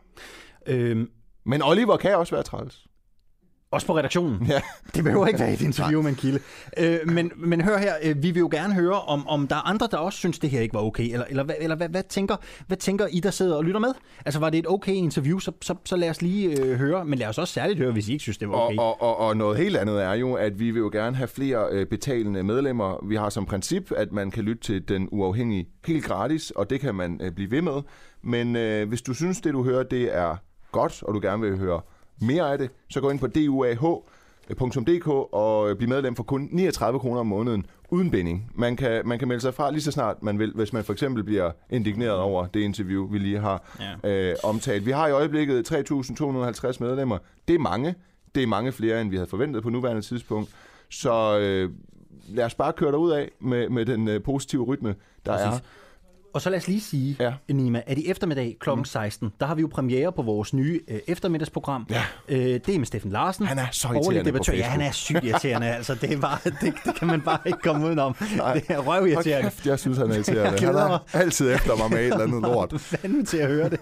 Det er eftermiddag kl. 16, der er premiere på programmet. Og du kan jo lytte det der, hvor du plejer at lytte til den øh, uafhængige. Og prøv at høre, Nima, øh, uanset om man er medlem eller ej, mm. så er der jo rigtig mange af de historier, som øh, folk foreslår, som faktisk bliver til reel journalistik her i programmet. Og hvis man øh, går med en idé, så kan man jo altid byde den ind til os. Du lytter lige nu til Den Uafhængige. Danmarks måske mest kritiske, nysgerrige og levende radio. Hvis du har en god idé til en historie, så skriv til os på Facebook eller send os en mail. Adressen finder du på hjemmesiden. Klokken den er 14 minutter over 8, og nu skal vi tale om, hvorvidt øh, de øh, danske amatørarkeologer ødelægger de danske nationalskatte. I Nyborg der må amatørarkeologer nemlig ikke længere gå på skattejagt på kommunalt område. Det sker efter en anbefaling fra samtlige museer på Fyn. Fortidsminderne befinder sig nemlig bedst i jorden, uberørt. For ifølge museerne så risikerer amatørarkeologerne at ødelægge de skatte, de finder. Og det overraskende er jo så, at amatørarkeologerne faktisk er enige. Godmorgen, Eva Terkelsen.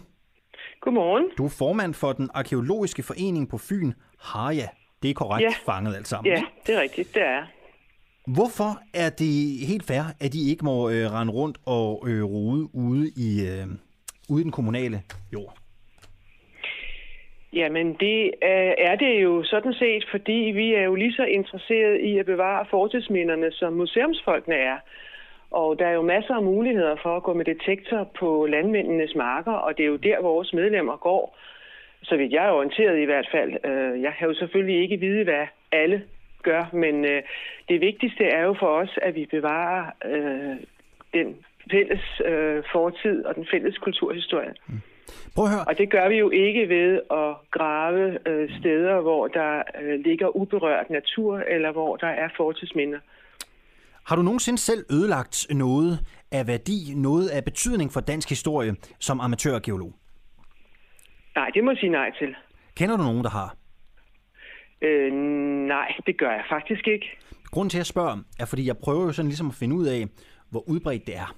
Om øh, grunden til, at man siger det her fra kommunal side, skyldes, at man simpelthen har for mange øh, ja, amatører, undskyld udtrykket, det er jo det, man er, når man er amatørarkeolog, som render rundt derude og, og ødelægger øh, fortidsminder. Det er bare, om der er på en eller anden måde øh, dårlige erfaringer med det. Øh, det skal, jeg, det skal jeg ikke kunne sige, men, men der er jo nok en grund til, øh, at de øh, ønsker at have den holdning til de kommunale arealer. Øh, Øh, og de kommunale arealer er jo, er jo ofte øh, arealer, hvor amatørarkeologerne og detektorfolkene ikke har ret meget at gøre. Nemlig for eksempel skovområder eller engeområder eller sådan noget, hvor, hvor tingene ligger udmærket øh, gemt væk øh, til næste generation. Hvorimod detektorfolkene, som er vores medlemmer, de går jo ofte på marker, hvor landmanden pløjer og pløjer dybere og dybere. Og det er jo ofte derfor, tingene kommer frem. Og der er de jo i fare for at blive ødelagt. Så der kan vi bidrage med at finde dem frem, inden de bliver helt ødelagt. Og det kan vel være det, der er ideen i det. Øh, museerne de siger selv, at de øh, faktisk ofte oplever, at folk kommer til at ødelægge fortidsminderne i skove og enge, og derfor så er det bedst at lade dem ligge øh, uberørt. Det, det er i hvert fald den officielle melding fra, fra museerne. Øh, nogen vil jo så mene, at hvis I ikke må gå på de her arealer, så øh, kan det jo være, at der er større chance for, at man ikke lige finder øh, de næste guldhorn, så at sige. Men dem kan man vel, det spørger jeg dig, det spørger jeg dig lidt vilkårligt om, men dem kan man vel lige så godt finde på en landmandsmark. Ja, Ja. det er et kort svar, det er vel ja. Prøv at høre, ved du hvad? Jeg tror ikke, jeg tror ikke, der er så meget mere at sige til det her. Altså, jeg, jeg synes, det, det, det, giver jo sådan, det giver jo sådan rimelig meget sig selv. Altså, jeg tror ikke, jeg kan ikke bore mere i det. Øh, der er blevet Nej, lavet er nogle regler. I er enige? Nima, marker. Ja, hvad var du ved at sige, Eva? Tak. Jeg vil sige, at øh, det, der er vigtigt for os som arkeologisk forening, det er jo, at vi hjælper medlemmerne med at hjælpe øh, museerne og få en god oplevelser, øh, når de er ude i marken. Og derfor laver vi blandt andet også kurser for amatørarkeologer, der gerne vil ud med detektor, enten de lige har købt det, det kan alle jo gøre, eller de øh, er lidt mere erfarne, så de ved, hvordan de skal måle op og registrere, øh, så de får de bedst mulige oplysninger ind til museerne. At, Nogle af de ting, de finder, øh, beholder museerne, men langt de fleste kan de jo få lov til selv at beholde. har du et indtryk af, øh, kender du nogen amatørarkeologer, som så senere er blevet professionelle? Har du spurgt om det? Nej, Nå, jeg ikke, det er fordi, jeg lige var ude på toilettet. Men kender du nogen amatørarkeologer, som, øh, som senere er blevet professionelle arkeologer? Som senere er blevet, hvad siger du? Professionelle am- arkeologer? Øh, ja, det gør jeg faktisk, ja. Der er mange professionelle arkeologer, som er startet øh, som amatørarkeologer, enten de så i sin tid har samlet sten, eller de har gået med detektor. Det er jo ja, måske et jeg. argument for, at det, at det her tiltag kunne bremse den udvikling. nu, nu, nu giver jeg dig bare nogle argumenter. Øh, ja, okay, Eva Terkelsen, øh, forkvinde for den arkeologiske forening på Fyn, øh, har jeg. Tak fordi du var med. selv tak. Prøv at, alle interviews behøver jo ikke være lange, hvis man får rimelig gode svar på det, man spørger om. Det synes jeg egentlig, der er meget øh, rig, øh, rig mulighed for. Ved du hvad? Det sad øh, lige skabet. Ja. Prøv at høre, Nima, vi taler jo lidt om det her interview med øh, øh, Louise, som er forkvinde for Danske Mink. Øh, hun blev interviewet af vores kollega Oliver Fruergaard. Vi spillede det i sidste time, og hun øh, insisterede på, at klippet skulle slettes. Nogle mener, det er dårlig journalistik, Øh, men der er kommet flere bud ind på, på Facebook her. Øh, Tommy Petersen skriver, super fint interview med minkavler forkvinden. Mm. Hun fremsætter påstanden, hun ikke kan dokumentere og bliver øh, afsløret. Øh, så er der også en, øh, jeg ser sagt med dårligt, altså, så er der også kommet en sms her, og vedrørende interviewet fra Mads, som skriver, er der et hensyn i forhold til at være færre i interviews, for at undgå at komme i en situation, hvor folk ikke vil deltage i interviews i fremtiden? Synes interviewet var fint, men mister man den næste kritiske mulighed, altså ved at gå ekstra hårdt til mm. ikke? Øh, ligesom man ser mange politikere, som efterhånden undgår at udtale live. Det er jo... Øh, øh, skal vi tage den senere, eller skal vi tage den nu? Vi kan godt tage den nu, for vi skal ja. faktisk fortsætte med den Nå, her men, men, øh, men, historie. men, men, men det, er jo en, det er jo en taktik, man vælger. Man kan smøre nogen og være venlig og venlig og venlig, og så på femte interview, så kan man virkelig bare gå mm. øh, overraskende hårdt til den. Eller man kan være principiel og gå lige hårdt til den hver gang, og hvis kilder så falder fra, ja. så må det være deres problem. Ja. Ja. Vi fortsætter lidt med øh, den her historie. Om lidt så skal vi tale med Hans Jørgen Kolmers. Han er professor i klinisk mikrobiologi ved Syddansk Universitet. Tidligere her på morgenen, så talte vi altså med øh, forkvinden for øh, Dansk Mink. Hun hedder Louise. Jeg har faktisk glemt, hvad hun hedder. Simonsen. Hun hedder Simonsen, Yes. ja, lige præcis. Og lad os lige prøve at høre et lille øh, klip fra øh, det her øh, interview. Vi har klippet en lille smule ned af det, så hvis man ikke fik det hørt i time 1, så kan man altså høre det her. Kan man måske ikke. Måske. Sprøv. der er ikke rigtig lavet det stykke arbejde af grundighed, som man burde. Øhm, der er også regnet på øh, 13-15 millioner mink, det vil sige det, det samme størrelse minkerhverv, som der var inden vi stod ned. Så er der heller ikke taget højde for, at øh, os danskere herhjemme, vi er vaccineret, i hvert fald alle dem, der vil, på det tidspunkt, vi skulle have dyrene ind. Og at vi også har vaccine til dyrene. Det vil sige, vi snakker øh, 12 millioner færre mink, end det de har regnet på, fordi vi vil blive omkring 1 million mink højest. Det er 100.000 dyr, vi vil tage ind i alt øh, her i 2022 i januar måned. Øh, og vi vil have vaccineret minkene, inden de kommer ind i landet. Okay. Hvis vi siger, vi starter med det her med, at du siger, at du vil gerne, I vil gerne have haft 100.000 øh, mink til Danmark her i 2022, er det rigtigt? Ja. Ja, og så skulle de være vaccineret. Ja. Ved du godt, hvor, øh, hvor effektiv den her vaccine er på mink egentlig? Øh, der er øh, allerede vaccineret i øh, USA, og det går øh, godt. Øh, der har de både, øh, de nået så langt, at de har både vaccineret, kan man sige, avlsdyr øh, dyr og øh, tæverne, og øh, så har de også haft en valpesæson, hvor de har vaccineret øh, to gange på valpe. Og, og vaccinerne, de øh, virker fint, ja. Hvor, hvor godt virker de på øh, mink? Altså, hvor Jamen, de- effektive er de? Hvor meget beskytter de mod corona? Fordi de er jo ikke 100% effektive hos mennesker. Jamen, øh, det, altså, jeg, jeg tænker, at du, du kan hente det forskningsforsøg, der ligger øh, både i Finland og i Spanien og i USA. Og så kan du kigge på tallene der. Jeg kan bare fortælle, at der har ikke været nogen som helst form for udbrud. Øh, der har, der har overhovedet ikke været nogen problematikker, øh, så det, jeg, jeg kan ikke øh, se, hvor øh, henne, at der skulle være en fare, når man har vaccineret mennesker og vaccineret dyr. Nej, men jeg spørger bare, fordi at selvom man vaccinerer mennesker, så kan, jo, så kan de stadig blive smittet. Så det er også, øh, og så er det jo ikke sikkert, at den, øh, den her vaccine er lige så effektiv på mink. Så det er bare, ved du, om den er det? Har du undersøgt det? Fordi du er jo også dig, der mener, at vi skal hente øh, mink til Danmark nu her. Som sagt, øh, du er velkommen til selv at hente øh, de forskellige papirer, der ligger omkring det på området. Jeg har øh, kigget det igennem. Jeg skal se for at være sikker på, at den vaccine den er effektiv på det niveau, den skal være. Hvad er det, Lige så der, vel har, hvad er det du har set? Lige, lige, så, lige så vel som, at øh, der er vacciner på alle mulige andre områder, både til mink og til mennesker. Forskellen er bare, at den, vi har til mennesker, øh, den er jo ikke øh, godkendt. Den er midlertidigt godkendt. Ja, hvad er det, du har set, der siger, du, du siger, du er overbevist, nemlig. Hvad er det så for nogle tal, du har set, som der overbeviser dig her? Det er bare, grunden til at spørge, det er jo fordi, det er jo også, altså, der er jo en risiko for, at, øh, at virus den muterer i mink. Det er jo det. Altså, den kan mutere til, Altså, til en ny virus variant. den muterer altid, uanset om det er fra mig til dig, eller om Mm. det er fra mink til mink. Den eneste ja. forskel er bare, at en mink, den er biologisk, øh, nej undskyld, den er, den er re- respiratorisk meget, meget øh, sværere, end et menneske er. Så øh, en virus, der går fra et dyr til et andet, øh, betaler altid en pris. Øh, og den har jo kun ét øh, for øje, og det er at overleve. Så man kan sige, at i og med, at en mink er sværere øh, end et menneske er, så er det en mildere form for coronavirus, der er i minken. Hmm. Øhm, og det her med, at det muterer, sådan noget, det er ligesom om, at det, det er helt nyt øh, for, for de fleste danskere, at det kun er efter, vi har fået corona, at man har sat sig ind i, at sådan virker en virus jo altid. Ja. Men du ved ikke, hvor effektiv den er på mink, og, og, og det er bare... Øhm, øh, Altså, jeg, jeg synes, det er fint, at du bliver ved med at spørge om det Ja, ja, samme, nej, men når nu ja. jeg svarer dig det samme, så vil jeg foreslå dig, at du går videre. Så kunne jeg spørge sådan her, hvor effektiv skal den være på mink, før du er overbevist? Altså, øh, altså, altså hvor mange procent, undskyld, øh, hvor mange undskyld, procent skal den undskyld, beskytte undskyld, før? Undskyld, prøv at høre ja. her. Ja. Hvis, hvis det her det er måden, du ønsker at køre interviewet på, så kan du bare slette det, du har lavet indtil videre. Det er en meget, meget forkert vinkel, du har på det. Ja, sådan lød det altså fra Louise Simonsen fra Danske Mink. Foreningen, som altså er utilfredse med, at regeringen har forlænget forbuddet mod minkavl, der ellers skulle ophæves 2022. Øh, formanden, som I hørte her, hun siger jo, at problemet med smitterisiko og sundhedsfare kan løses, hvis man holder bestanden nede og vaccinerer minkene. Godmorgen, øh, Hans-Jørgen Kolmos.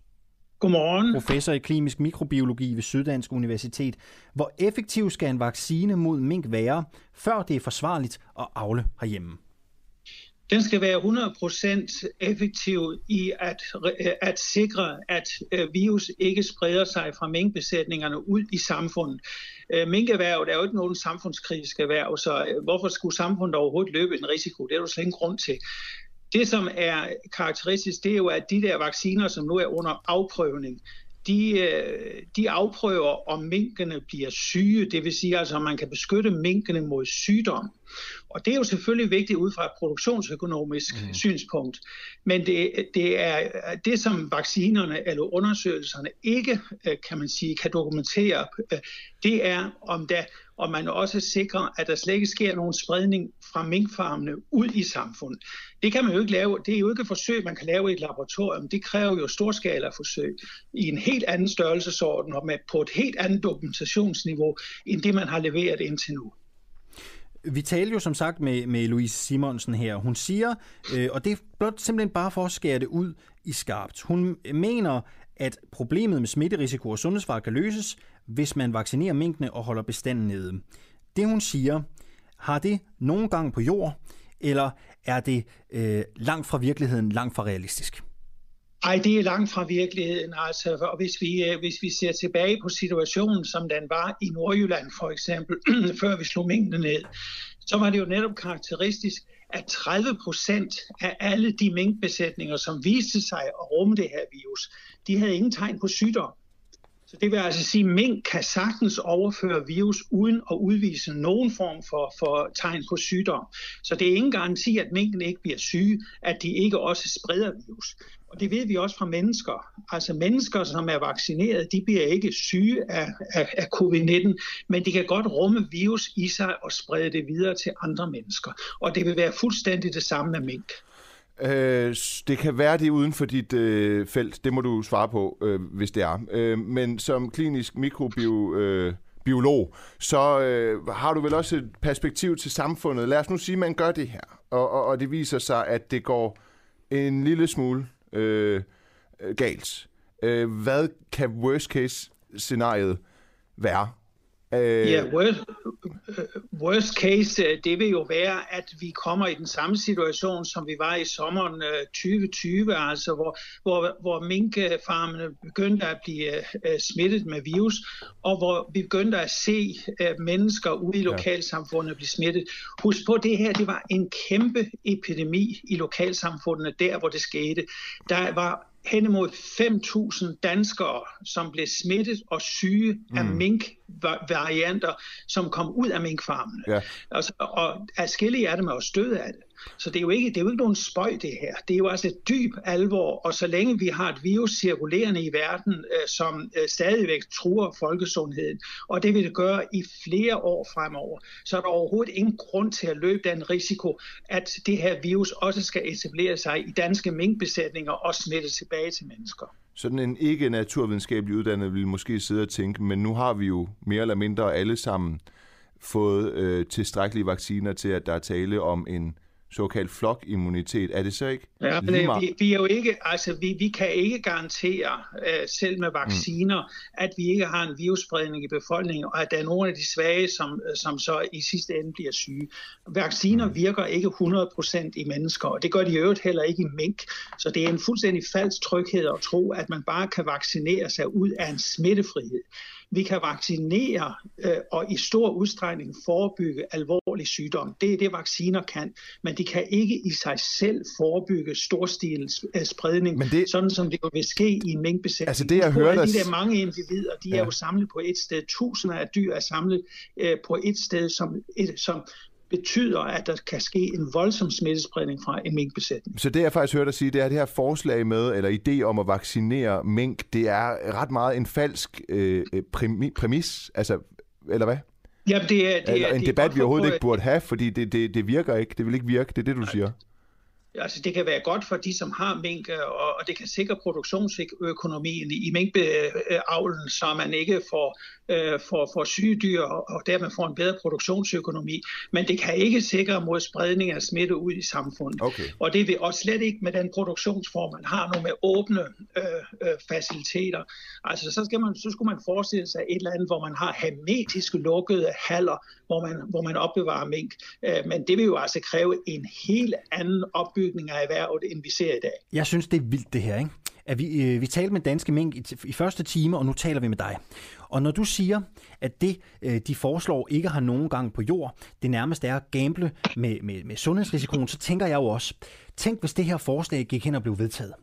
Tænk på den erstatning, man skulle betale til minkavlerne en gang til, hvis man skulle ud og aflive de her besætninger. Det ville jo være helt vildt.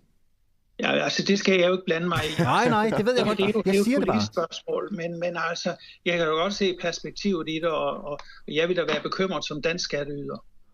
Men det er jo, som jeg hørte dig sige, en politisk afvejning af minkerhvervet, og så risikoen for en smittespredning igen, i, blandt øh, danskerne øh, igen. Det må man sige. Det er, det er et spørgsmål om at prioritere folkesundheden i forhold ja. til et meget lille erhverv, som ikke betyder noget for samfundsøkonomien. Det har du så alligevel en holdning til, som, som mikrobiolog. Ja, det, det, er jo, det, er jo, det er jo faktuelt. Altså, det kan man jo se på, på, på de, de nøgne og, og, og nøgterne tal, så det, det behøver man jo ikke sådan til at have en holdning til. Det er, Men, jo, det er jo et rent, det er jo, det er jo et rent regnes uh, teknisk spørgsmål. Men prøv at høre, Kolmos, når Danske Mink foreslår sådan en uh, idé her, som du skyder ned, gambler de med danskernes øh, sundhed, gambler de med folkesundheden? Altså, jeg vil sige, altså de, som jeg har set udtale sig om det her øh, fra Danmark, altså de, som, som har forstand på det selv over i veterinærsektoren, de, kan jo, de vil jo ikke give nogen 100% garanti for, at, øh, at øh, der ikke sker smitte fra, fra mink til, til, til mennesker. Og hvis de ikke vil det selv i Danmark, så ser jeg ingen grund til, at vi overhovedet skulle begynde at overveje os og genetablere minkerhverv. Altså, det må jo være minkerhverv, det må jo være branchen, der beviser, at det her det er 100% uskadeligt. Det kan ikke være samfundet, der skal hen og bevise, at det her udgør en risiko.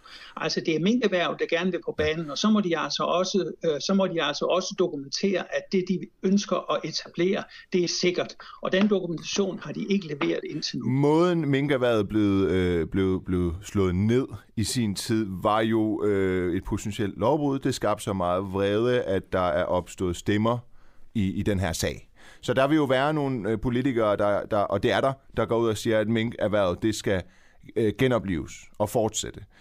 Øh, hvis det er den vej, det går, så er det vel trods alt bedre end ingenting, at man vaccinerer minkene. Jo, det kan man godt sige. Det, det har jeg sådan set, øh, det skal jeg ikke kommentere, for så, så er Nå, jo, men, en politisk, jamen, en politisk Nej, det er det jo ikke. Det handler, den, vil jeg, den vil jeg ikke blande sig ind i. Jeg forholder mig til det rent faktuelle. Det er jeg med på, men der er det jo, øh, hvis, hvis det så har 80% effektivitet og ikke 100, så er det vel trods alt bedre, hvis man vælger at gå den vej og genopleve minkerhvervet. Jo, jo, altså det er... Altså, hvis det er ikke man, godt, øh, men det er bedre end ingenting. Det, jo, det kan, du, det kan du selvfølgelig godt sige, altså, hvis du, men, altså, men sådan er der jo med så mange ting. Det er altså, det, ja. det er stadigvæk bedre at få, få, få, få 10 procent af befolkningen til at ryge frem for 15 procent. Ja, det er den det gør mindst ikke, dårlige, at dårlige er løsning. Ja, nej. Kolmos, øh, jeg talte med Lise Bæk fra Dansk Folkeparti for et par dage siden. Dansk Folkeparti, de vil gerne have genoptaget minkproduktionen nu. De mener ikke, vi skal vente til senere, selvom det er sådan, de sundhedsfaglige anbefalinger lyder. Øhm, har det forslag fra Dansk Folkeparti, har den politisk holdning noget øh, som helst videnskabeligt bag sig, der siger, at det kan være den rigtige vej at gå? Jeg ved ikke, hvad Dansk Folkepartis argumentation er, så det kan jeg ikke udtale mig om. Nej. Jeg henholder mig til, hvad Serum Instituttet siger, og Serum Instituttets rapport, den siger jo, at, at øh, man fraråder, man fraråder at genetablere mink, øh, mink, eller genåbne minkavlen. Og det, er- det er sådan set det, er det sundhedsfaglige synspunkt. Det henholder jeg mig til. Så du synes ikke, det er en god idé? Nej. Nej, godt. Hans Jørgen Kolmos, tusind tak skal du have, fordi du havde lyst til at være med. Du er professor i klinisk mikrobiologi ved øh, Syddansk Universitet. Godmorgen. Godmorgen. Du lytter til Den Uafhængige. Danmarks måske mest kritiske, nysgerrige og levende taleradio. Som politikerne ikke kan lukke. Mere end 3.000 medlemmer støtter os allerede. Og jo flere vi er, jo mere og jo bedre journalistik kan vi sende ud til dig. Se hvordan du kan støtte os. Gå ind på duah.dk.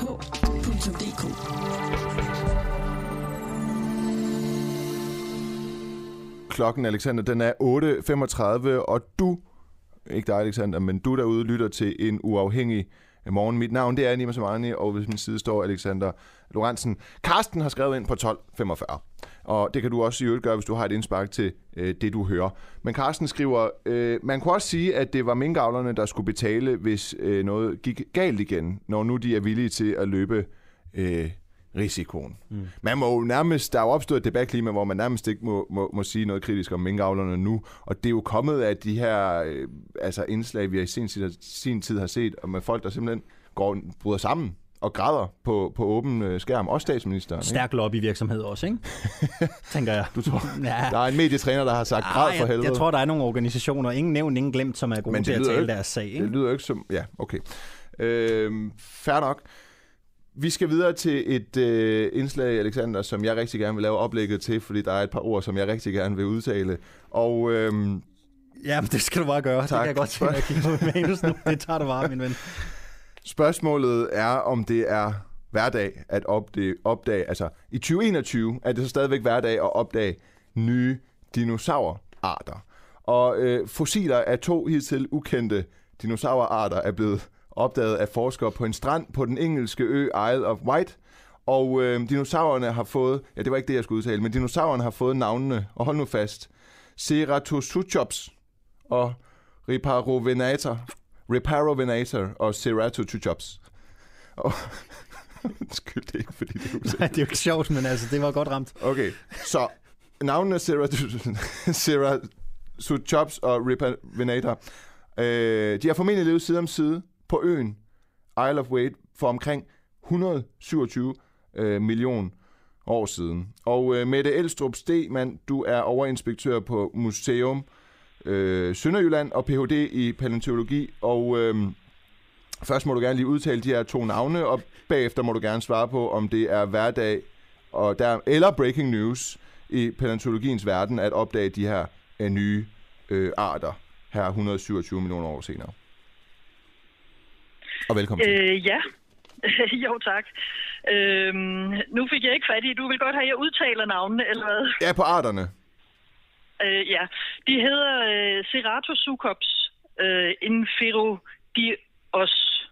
Øh, og det, det betyder faktisk sådan en, øh, en hejre med et øh, hornet krokodilleansigt okay. fra helvede.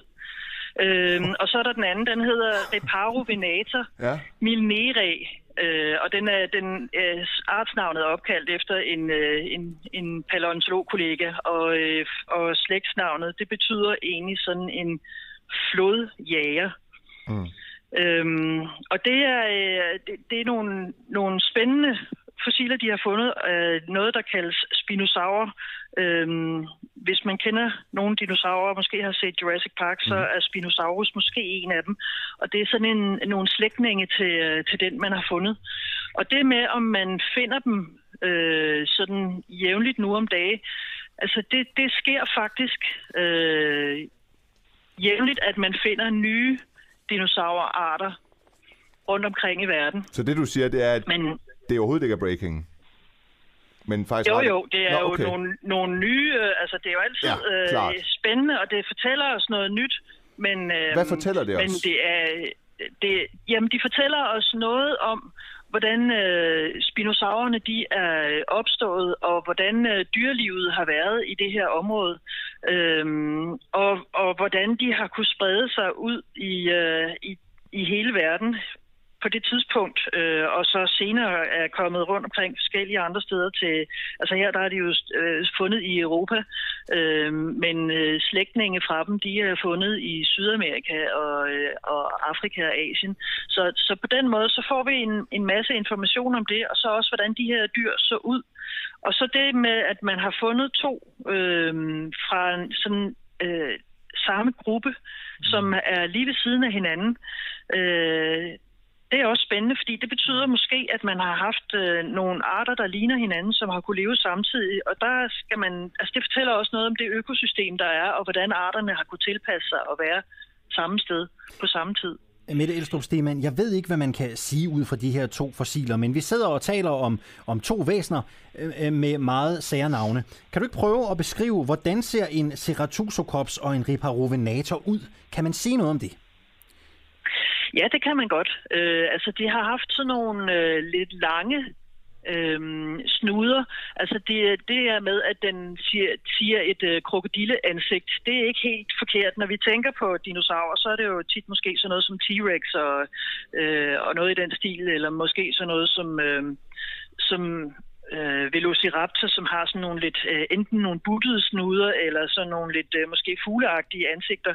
Men de her, de har altså lignet krokodiller en lille smule mere. Øh, og de har haft øh, flere, måske lidt spidsere og øh, tænder, fordi de har levet af at fange ting i vand. Øh, og det, det kender man jo godt fra, øh, fra krokodiller og deslige, at øh, så er det tit en, en fordel at have nogle lidt lange snuder med mange spidse tænder for at holde fast på noget, der er glat nede i vandet. Øh, så sådan har deres øh, hoveder set ud. Så har de haft sådan nogle øh, lidt lange kroppe, men med, med bagben, som de har gået på, og så nogle forben, som de har holdt oppe, så de har øh, været tobenet øh, og gået på to ben kun. Så har de haft nogle lange, kraftige haler, som de har kunnet øh, holde balancen med for at have ja, balance på den her krop over de to bagben, og så også øh, en stærk hale til at kunne, øh, kunne navigere med i og for sig, fordi de, øh, når de så løber, så holder de balancen til både den ene og den anden side med en stærk hale. Mhm. Så det er, det er sådan, de har set ud. Prøv at høre, hvordan finder man en ny dinosaur? Hvordan, hvordan kommer man dertil? Rent praktisk, hvordan fungerer det? Det lyder det spændende. fungerer på den måde. Ja, det er, det er jo også super spændende. Altså, det er jo øh, en, en hver strøm i virkeligheden at øh, gå ud og finde et øh, dinosaurfossil. Øhm, men det kræver, at man, øh, man finder et sted, hvor, man, øh, hvor der er en sandsynlighed for, at de er. Øh, det er jo så trin nummer et. Og det, det er jo så sådan et sted, hvor... Øh, hvor de lag, man, man kigger i, det er jo sådan nogle jordlag, man skal finde dem i. Og der, de skal jo så gerne for det første stamme fra den tidsperiode, hvor der dinosaurerne levede, og så også gerne stamme fra et miljø, hvor de levede. Øhm, og det er for eksempel her på Isle of Wight, der er der sådan nogle, øh, nogle lag, hvor, hvor man kan finde det. Øhm, og så skal man så gå rundt, og så hvis man er rigtig heldig, så, øh, så finder man noget. Øhm, og det kræver altså øh, noget tid. Der, hvor de her dinosaurer er fundet, det er øh, på en kyst, hvor, øh, hvor bølgerne ligesom eroderer lidt af kysten væk hele tiden. Og det vil sige, at så kan der øh, blive gravet noget øh, dinosaurmateriale frem stille og roligt lidt ad gangen. De her øh, to dinosaurer, de er fundet over fire år. En periode på fire år, hvor man har gået og kigget efter dem. Øhm, og hvis man så har fundet noget materiale, der er stak frem fra, fra kysten der, så har de jo selvfølgelig gravet det ud. Øhm, så det kan også godt være lidt en langvarig affære at få hele, sådan helt dinosaur gravet ud.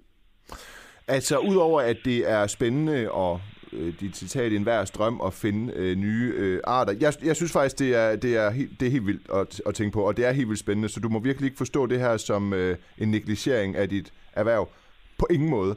Men, men når, når, øh, udover at det er informationsrigt, og vi altid kan bruge information og, og blive klogere på fortiden og så videre, kan man så på nogen som helst måde sige, at det er information, der kan med fordel bruges til en eller anden form for udvikling i nutiden, eller... Øh, Øh, ej. Der, blev, øh, der røg forbindelsen simpelthen, øh, Nima. Ved du hvad, vi skal simpelthen... Øh... Du skulle ikke have sagt, at du ikke ville negligere erhvervet. tror du, hun lagde på? Nej, det tror jeg ikke. Jeg tror, det er en teknisk fejl. Ja, det, er, det er vist nok bare en... en øh, skal vi prøve at ringe hende op igen? Eller hvad? Øh, ja, ja, det vi synes jeg det? næsten lige, vi Ja. skal gøre. Vi har faktisk øh, fin tid. Ja. Så, øh, Mette Elstrup øh, Stemann, som altså er overinspektør på Museum Sønderjylland og Ph.D. i paleontologi. Mm. Det var det, Ross var i Venner også, ikke? Jo, og han ville også have sagt, at det er en Det er. Ja, hej igen, Mette. Undskyld, øh, jeg tror, forbindelsen blev afbrudt. Fik noget, du har fået mit spørgsmål? Det var noget med, om, øh, om vi kan bruge det til noget her i nutiden. Ja, det kan være, det er lidt her- omsondt eller, eller et langskud, øh, men, men, men udover at det, at det er information, øh, vi kan bruge, at information altid er godt og, og, og blive klogere på fortiden, så øh, kan man på nogen som helst sådan, bruge det med fordel i, i, i nutiden, den, den her viden. Eller, jeg spørger, fordi jeg faktisk ikke ved så meget om det. Ja, altså, og det er jo også et rigtig godt spørgsmål. Og det kommer an på, hvad man, øh, hvad man tænker, man vil bruge det til. Fordi ja. det, du siger, det er også, at, øh, at det med at få noget viden, det betyder noget for os. Øh, og det gør det jo. Det betyder noget for den måde, øh, vi tænker på, øh, hvis vi ved, øh, hvordan verden har set ud for, før os.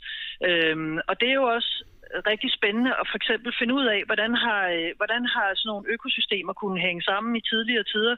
Hvordan har de reageret på klimaforandringer? Det er jo sådan nogle af de ting, som man bruger øh, fossilerne til nu om dagen. Det er jo også at se på, hvordan, hvordan øh, er reaktionerne egentlig tilbage i tid på, at klimaet har ændret sig af forskellige årsager. Øhm, og og der er rigtig mange øh, spørgsmål, man kan stille, hvor man går tilbage til fossilerne og finder ud af, jamen, hvordan, øh, hvordan er det egentlig lige, tingene har været, øh, for at prøve at besvare nogle spørgsmål nu om dagen. Og det er, øh, det er derfor, det er rigtig godt at prøve at få så bred en forståelse af, hvordan verden har set ud før, før vores tid. Hvad er det vildeste ved det her fund? Hvad er det vildeste ved den her opdagelse? Altså, jeg synes, det vildeste er at have fundet øh, to så nært beslægtede arter øh, stort set sammen. Og det kræver stadigvæk, at de lige får vist, at de har levet samtidig. Men jeg synes, at det vildeste, det er, at man kan vise, at der har levet to så store toprovdyr faktisk, øh, som man forventer har levet på samme måde, altså har fanget deres byttedyr i, øh, i floder at de har kunnet øh, eksistere side om side, uden at, øh, at ligesom udkonkurrere hinanden. Hvad er det, der gør, at, at øh, verden dengang har kunnet have et økosystem, der kunne bære to så, så ens øh, toprovdyr? Mette Elstrup øh, Stemann, du er overinspektør på Museum Sønderjylland og altså Ph.D. i paleontologi. Tusind tak, fordi du var med. Ja, velbekomme. Jeg må jo sige, Alexander, at for sådan nogen som os, der ikke øh, konkret er, altså uddannelsesmæssigt er inde i det, ikke? Ja. Så, så bare, bare det, at man har kunne finde noget, der går 127 millioner år tilbage. Jeg får det helt dårlige af sætningen 127 millioner år siden. Ja, det er sådan lidt uhåndgribeligt, ikke? Ja, det er vildt. Det er vildt. Så, så det er måske ikke det vildeste for Mette Stemann, fordi det har de jo erfaring med. Men øhm, Jamen, det er lidt sjovt, Det det, der jo med, man kan, lige, man kan øh, gå her og tænke, at det er breaking news, ikke? At det er, det er helt vildt. Og så er det sådan noget, der er nogen, der lever af det. Der er jo nogen, der sådan ligesom gør det ofte, ikke? Jo. Det tager lidt tid. Var det ikke fire år, hun sagde, de ligesom havde været jo, undervejs? jo, jo, Det er absolut. jo ikke sådan, Øhm, der, der, man skal være tålmodig.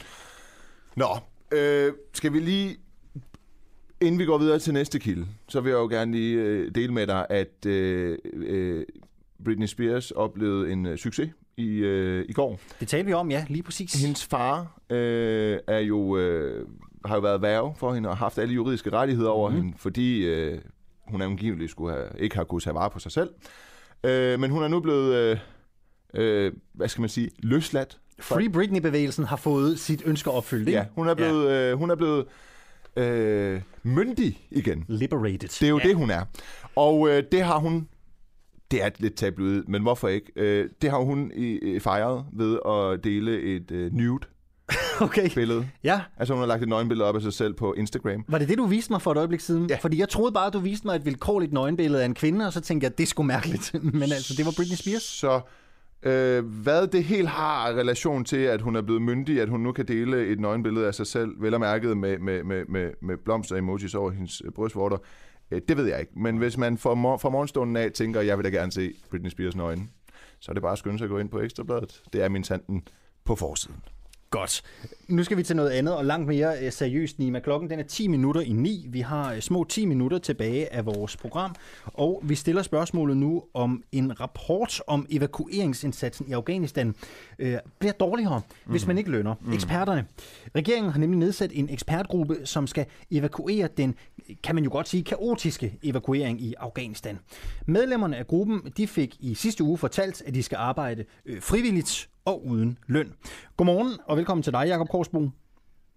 Godmorgen. Du er tidligere chefanalytiker i Forsvarets efterretningstjeneste, og så er du ekspert i den eksterne referencegruppe. Er der en negativ konsekvens ved, at I ikke får løn, hvis man ser på, rapport, på produktens, produktets kvalitet? Altså, det er der i hvert fald en stor risiko for, øh, kan man sige, fordi øh, der er heller ingen, der har fortalt, hvor mange timer øh, vi forventes at arbejde gratis. Og øh, man kan sige, jeg skal jo, en som mig, jeg får jo ikke øh, løn af andre end øh, øh, andre steder fra, og så bliver jeg jo nødt til at overveje, jamen, i, i, hvor mange timer har jeg reelt råd til at ligge i det her? Er det 10 timer, man forventer? Er det 20 timer, man forventer? Og hvad sker der hver gang, jeg stiller et spørgsmål til dokumentationsgrundlaget? Mm. Tror du bevidst, at regeringen ønsker en dårlig evaluering, og det er derfor, de ikke lønner jer? Det har jeg ingen, øh, det har jeg ingen idé om. Jeg synes, øh, jeg synes bare, at man får at sikre, at, øh, at der blev fuldstændig gennemsigtighed i den her undersøgelse, skulle sige, jamen altså, vi skal bruge de timer, som vi skal bruge. Øh, vi skal bruge de timer, der er nødvendige for at komme til bunds i det her, og øh, for at referencegruppen kan sige, jamen, vi kan professionelt stå inden for, at det er en grundig undersøgelse. Og, og det synes, sådan synes jeg, man skulle have landet. Ja. Men du må vel jeg ved ikke, hvad din position er nu, øh, og, og hvor meget du sådan kan, kan, kan sige eller lange ud, men du må da have, du må da have overvejet, når det er dit økonomiske grundlag, der ligesom øh, forsvinder ved, at du skal lægge mange timer i det her, så må du da have overvejet eller undret dig over, hvorfor det er uaflønnet, det her. Og der må det da have krydset din tanke, at øh, ja, hvad årsagen er, og, og om der er en, øh, om der er en øh, bagtanke med det. Jamen, øh, altså, det ved jeg, bagtanker kan man jo kun gisne om. Ja, ja, men har, har du gisnet? Jeg har, jeg har spurgt, og, øh, og så får vi at vide, at det er for at sikre uafhængigheden. Okay. Men altså alle undersøgelseskommissioner og undersøgelser af, hvad der er gået galt, øh, de bliver som regel øh, lønnet. Ja. Øh, og, og, og så har Udenrigsministeriet fremhævet, at det er sammenligneligt med, øh, med tsunami-undersøgelsen øh, efter tsunamien i Thailand. Og, øh, og der vil jeg bare sige, det var jo ikke et, en langstrakt politisk proces. Her skal vi jo kigge tilbage på dokumentationsgrundlaget, der er øh, øh, halvandet til to år øh, øh gammelt, og navnligt de sidste 4-5 måneder øh, er der øh, rigtig meget, som skal kigges efter. Så, så det, man, jeg synes ikke, man kan sammenligne det med tsunami-situationen. Vil du gøre dig mindre umage i arbejdet, fordi du ikke får løn? Altså, der er jo en grænse for, hvor mange timer jeg kan lægge i det. Og øh, jeg vil ikke sidde som et gummistempel. Øh, og så kan man sige, så er det da selvfølgelig uheldigt, at jeg kommer ud på den anden side og siger, ja, jeg kan se, at uh, Udenrigsministeriet har lavet den her rapport, men jeg kan simpelthen ikke på det foreliggende grundlag stå professionelt inden for det. Altså, det er jo den eneste mulighed, øh, der ligesom er. Øhm, øh, jeg vil da håbe, vi når en, øh, en løsning på en eller anden mm. måde. Jeg, jeg synes... Øh, synes, det er ærgerligt. Øh, ja. Jeg vil, jeg, jeg vil navnlig mærke i, at øh, i, øh, da den her kommission eller den her referencegruppe blev nedsat, så siger udenrigsministeren, at det skal være professionelt og grundigt og til bundsgående. Og, og det, det synes jeg bare ikke harmonerer okay. med øh, med en gratis øh, løsning. Men Korsbo, hvis, øh, hvis du siger mellem linjerne, det hører jeg dig lidt sige, at der selvfølgelig er en grænse for, hvad du kan lægge i det, når der er tale om ulønnet arbejde. Hvorfor træder du så ikke bare ud og lader nogle andre, som måske godt gad øh, gøre arbejdet, træde til? For det kan du vel godt gøre? Jo, men, jo altså det, det kunne jeg jo øh, selvfølgelig bare vælge at gøre. Øh, jeg vil sige, øh, jeg er et øh, samvittighedsfuldt menneske, og jeg vil gerne følge med øh, og, og se mest muligt. Og så håber jeg, at vi kan, vi kan finde en løsning. Øh, jeg vil også sige, uden at, at skulle øh, på nogen måde sætte mig selv op på en pedestal, så er der, så er der få, der har indsigt i, øh, hvad kan man sige, efterretningsgrundlag og, og, og hvad der kan ligge øh, på, på den side, som, øh, som er ude nu og, og, og ikke er ansat i, i staten. Øh, så, men, men selvfølgelig, hvis man kunne finde øh, en anden, der, ville, øh, der, der havde en, øh, en hvad kan man sige, professionel kvalifikation og ville gøre det gratis, så, så synes jeg at det, det ville være super fint. Men, øh, men jeg, kan, jeg kan heller ikke rigtig forstå, fordi de offentlige ansatte har ikke fået at vide, at det skal være frivilligt, det men, her. men til det, altså, du siger, at øh, du ikke vil fungere som et øh, gummistempel. Er det korrekt? Ja. Og så siger du, at øh, de offentlige ansatte øh, ikke har fået at vide, at det skulle være ulønnet, det her. Ikke også? Altså, øh, altså de, de forskere, der sidder, Ja. de tager det som en del af deres almindelige tjeneste Har- og, men- og får fuld lønkompensation. Det, Ja. har, det, har, det har de, de privatansatte ikke mulighed Har du for. lavet lignende opgaver før, øh, Korsbro? Nej, det har jeg ikke. Okay, fair nok. Øh, til politikken, der siger udenrigsordfører øh, Martin Lidegaard, altså udenrigsordfører for de radikale, han siger, som jeg forstår det, er der ikke præcedens for at aflønne folk til denne slags opgaver, og med mit kendskab til personkredsen frygter jeg ikke umiddelbart, at nogen af dem vil finde sig i at fungere som gummistempel. Vi har lagt afgørende vægt på, at den eksterne gruppe kan give sin egen uafhængige vurdering af forløbet, og det er for mig øh, det vigtigste. Hvad siger du til det? Der er ikke præcedens det- for at aflønne folk til den her slags opgaver. Men det var, det var det her eksempel med tsunamien, Mm. øh, hvor jeg siger, altså der går man jo ind Ja. og ser, var myndig. Klart, der er noget sådan ligesom politisk øh, forløb i, øh, i tsunami-sagen. og der, der vil jeg sige, her er det bare en øh, undersøgelse af en helt, øh, en, en helt anden kaliber, og, øh, og derfor mange flere timer, som vi skal sætte af til at, at ligesom afgøre, jamen hvad er det, hvad er det egentlig, der er foregået med den, hvad kan man sige, også den, de politiske forklaringer på tilbagetrækningen fra siden af april måned? Hvad vil du gerne have i løn? Jamen, jeg vil, jeg vil bare gerne have, øh, at, øh, at den tabte arbejdsfortjeneste, den bliver kompenseret. Altså, jeg tog det, da jeg sagde ja, Mm. mm. som et, ærefuldt værv og, og et borgerligt ombud, som man bliver bedt om at, at gøre. Og, og de øh, folk, der, der går ind i et borgerligt ombud, øh, de får jo en lønkompensation, hvis de ikke har mulighed for at dække det som det Og hvad synes du vil være rimeligt der? Det må du vel have gjort dig nogle tanker om. Hvad havde du forventet? Hvad synes du er, en, en, er et rimeligt honorar for den type opgave? Men øh, det, er, det er bare de statslige, øh, de statslige øh, konsulenttakster. Dem tænker kender jeg ikke. må Hvad er det? Jamen, øh, øh, øh, det ligger jo i, øh, i nærheden af, af ja, mellem 1000 og 2000 kroner i, i, i timen. Okay. Øhm, og der, der kan man sige, det er jo så en, øh, en, en netto en nettoaflønning for den for den øh, tid du du står til øh, til rådighed. Man kunne også finde andre løsninger, jeg ved det ikke. Men altså en eller anden form for, for lønkompensation, synes jeg, man burde kigge på. Kunne du, øh, måske hvis du stillede dig om på den anden side af din holdning, øh, se en logik i, at øh, det ville være uforsvarligt at lønne for højt i den her slags opgaver, fordi motivationen til at finde noget simpelthen kunne blive for stor? Altså, øh, jeg vil sige, Lidegaard, han har jo også sagt, at han ikke ser gruppen som nogen, der øh, normalt ville øh, være et, gummistempel. Og, og som sagt, vi har jo en masse fortilfælde med undersøgelseskommissioner og, og, og grupper, der er blevet nedsat til at undersøge forhold. Og, og, og når det er nogen vægt, så er de jo... Øh, så er de jo altid blevet, øh, blevet aflønnet. Og Udenrigsministeriet har jo selv et helt evalueringssystem af udviklingsbistanden, hvor de øh, øh, bruger kon- konsulenter udefra til at se effekten af udlandsbistanden øh, og, og vurdere den. Så jeg kan ikke se, hvorfor at man skulle blive øh, afhængig af og, og, og ville tale, tale øh, myndighed efter munden, fordi at man får en hyre for at gøre et uafhængigt stykke arbejde. Nej. Sige, jeg, jeg vil jo altid referere til indholdet af undersøgelsen og det, der er fundet frem til. Og det er jo, det er jo savligt, det er jo åbent. Øh, så, så, så bliver man vel bedømt på det, tænker jeg. Men du kunne trods alt ikke finde på at tænke klokken kvart i fire, nu, øh, nu gider jeg ikke mere, nu tager jeg hjem, fordi jeg får fandme ikke løn for det her. Jamen, altså, jeg, jeg, jeg, må, jeg må kigge på tiden, der bliver brugt. Altså, nu brugte vi halvanden time på at drøfte proces øh, sidste fredag. Og øh, når der så kommer substans på, på bordet, så bliver jeg jo nødt til at, at kigge på tiden. Jeg bliver også nødt til at spørge Udenrigsministeriet, hvor mange timer er det, jeg har forestillet jer?